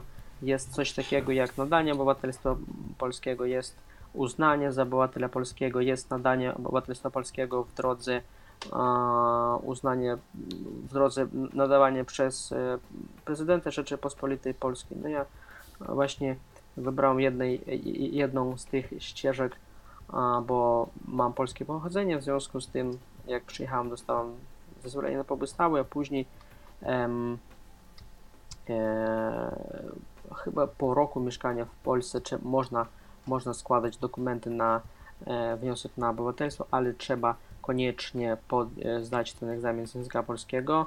No i jeszcze, jeszcze sporo tam różnych wymagań, czyli tam źródła e, dochodu, zameldowanie i, i, i trzeba tam napisać po co ch- chcesz tutaj w Polsce mieszkać, jakie plany masz i tak dalej, i tak dalej. No, naprawdę sporo, sporo, e, sporo pracy i, i takiego wysiłku wymaga. No czyli całe szczęście, że miałeś swoją żonę, która mogła ci w tym wszystkim pomóc, zwłaszcza, że jest to dużo Tak, bo- takich dokumentów, których elektronicznie nie wypełnisz i Tak, tak, tak. Te, te wszystkie wnioski nie, sto, nie są dostosowane i pamiętam, że mm, e, często wypełnialiśmy po prostu to trzeba było ręcznie, ręcznie tam wszystko wpisywać. No tak. I i ten, ten, ten egzamin też był dostosowany w taki sposób, że tekst miałeś dostępny elektronicznie, tylko dokument nie był dostosowany, tak? Czy ktoś był twoim asystentem, lektorem i ci czytał? Tak, ja miałem e, wszystkie te zadania w wersji elektronicznej, mm, Mhm. no ale czasami po prostu pytałem, bo, bo, bo były takie troszeczkę dziwne tabelki na przykład, em, no i asystent tam mm, pomagał, ale tak, miałem wersję elektronicznej, tylko że najpierw to było w wersji e, PDF i miałem tam jakiś problem z tymi tabelkami, to ten e, asystent szybko to e, przetworzył tak i, i zrobił wersji, e, żeby mogłem to w Wordzie normalnie otworzyć i to już było łatwiej. No i całe szczęście, że mogłem to wszystko pisać na moim własnym laptopie, bo na początku komisja stwierdziła, że nie mogę te, tego robić, bo nie wiadomo, tam będę korzystał z, jak, z, z jakichś e, słowników i tak dalej, i tak dalej, więc wcześniej e, mój laptop przyniosłem tam, zostawiłem, tam niby ten asystent coś tam sprawdzał, no miałem ten Mhm. Wi-Fi, wszystkie połączenie wyłączone, no więc i dobrze poszło w końcu. No i jesteś obywatelem Polski, więc zajmuje to sporo czasu, ale koniec końców da się to załatwić i, Tak, i no warto. jestem jak, Myślę, że warto, jak, jak mówię, rzeczywiście. du, dumnym i świeżo upieczonym obywa- obywatelem Rzeczypospolitej Polskiej. No, to witamy na pokładzie. Okej. To- To teraz już rzeczywiście ostatnie pytanie, takie już na, na, na na zakończenie, na, na zakręcenie całego tematu. Jaką jedną rzecz, e, nieważne czy jeśli chodzi o stosunek do osób niewidomych, czy wsparcie, czy o, o kulturę, czy o cokolwiek, jaką jedną rzecz zabralibyście z Polski do siebie do domu, a od Was chcielibyście zabrać tu do Polski? To może rok od Ciebie zaczniemy. Fu, trudne, trudne, trudne pytanie. E, co bym z Polski zabrał? E, na pewno em, na pewno mówiące e, na pewno cały transport tak naprawdę, nie tylko mówiące autobusy i tramwaje, tylko po prostu e, wiemy, nie, jak, jak niektórzy ten akronim PKP rozwiązują, jak są e, źli na, na, na, na pociągi, które się No, no, spóźniają. Myślę, że jest Ale- kilka wersji na ten temat nawet.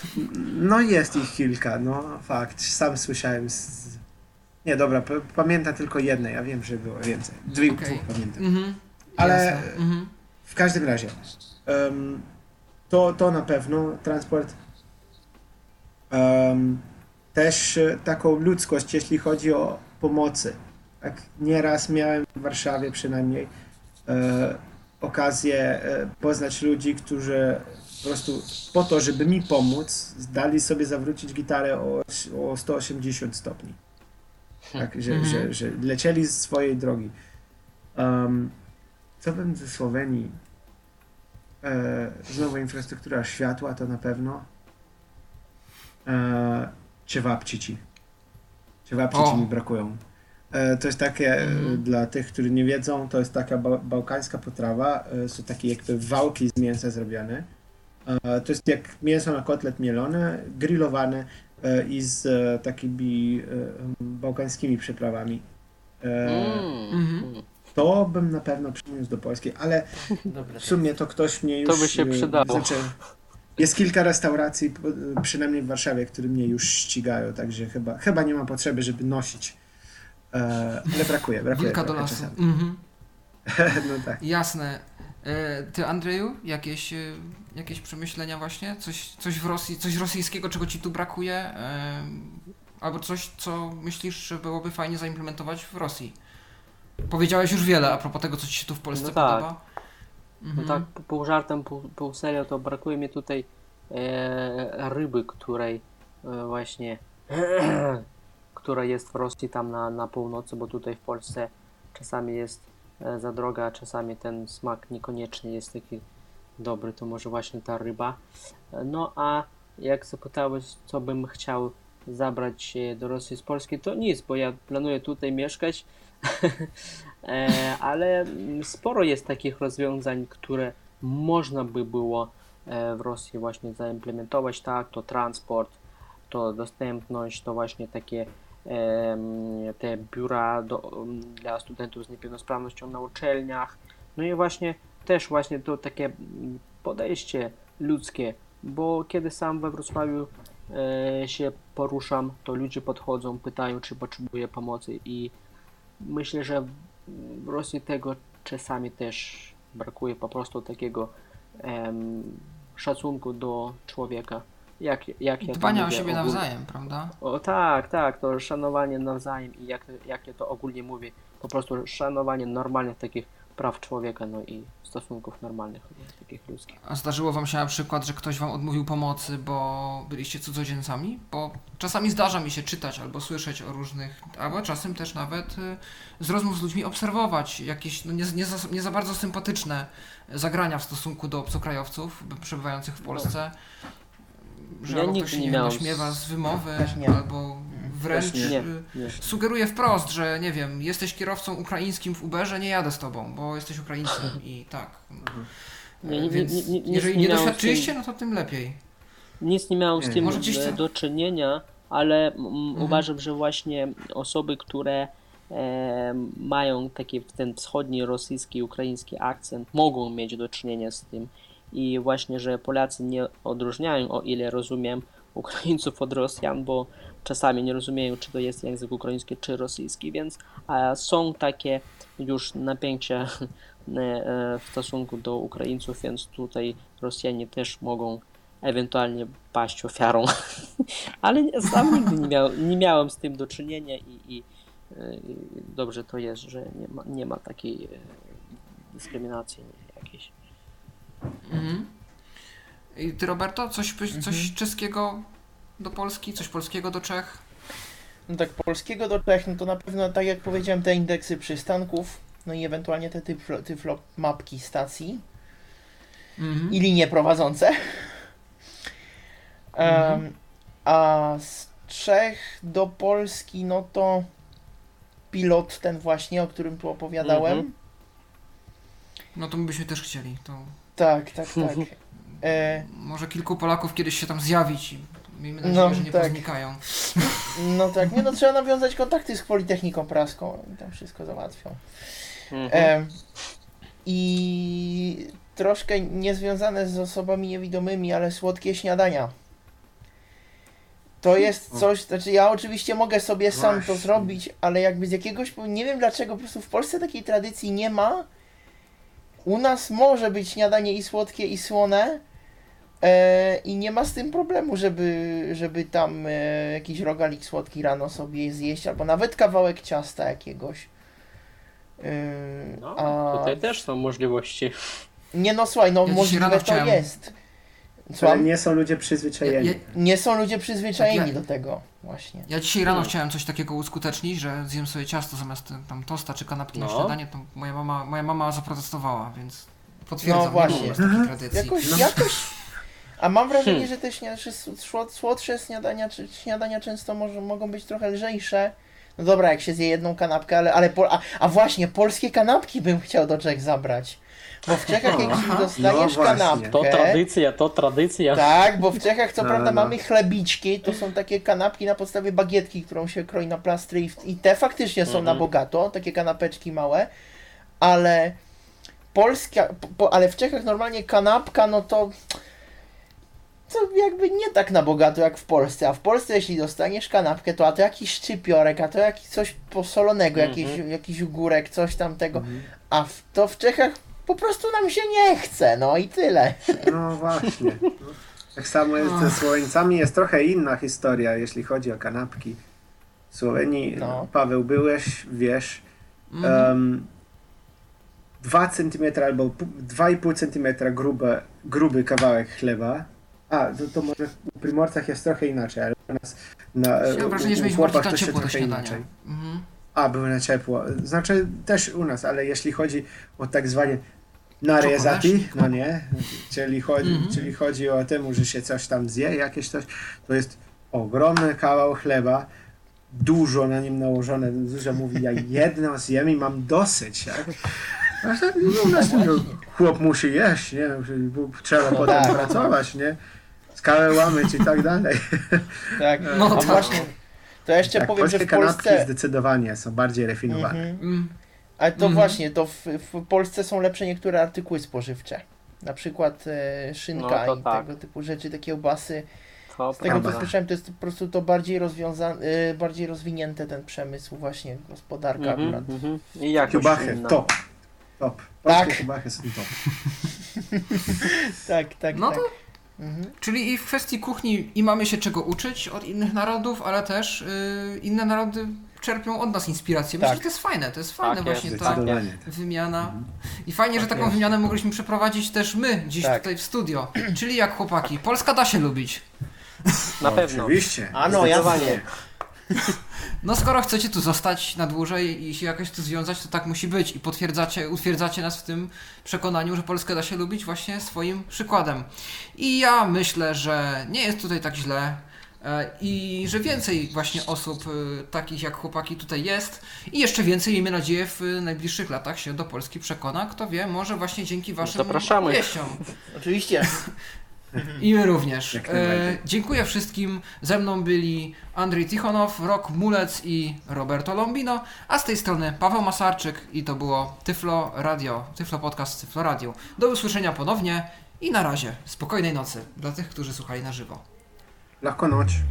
Był to Tyflo Podcast.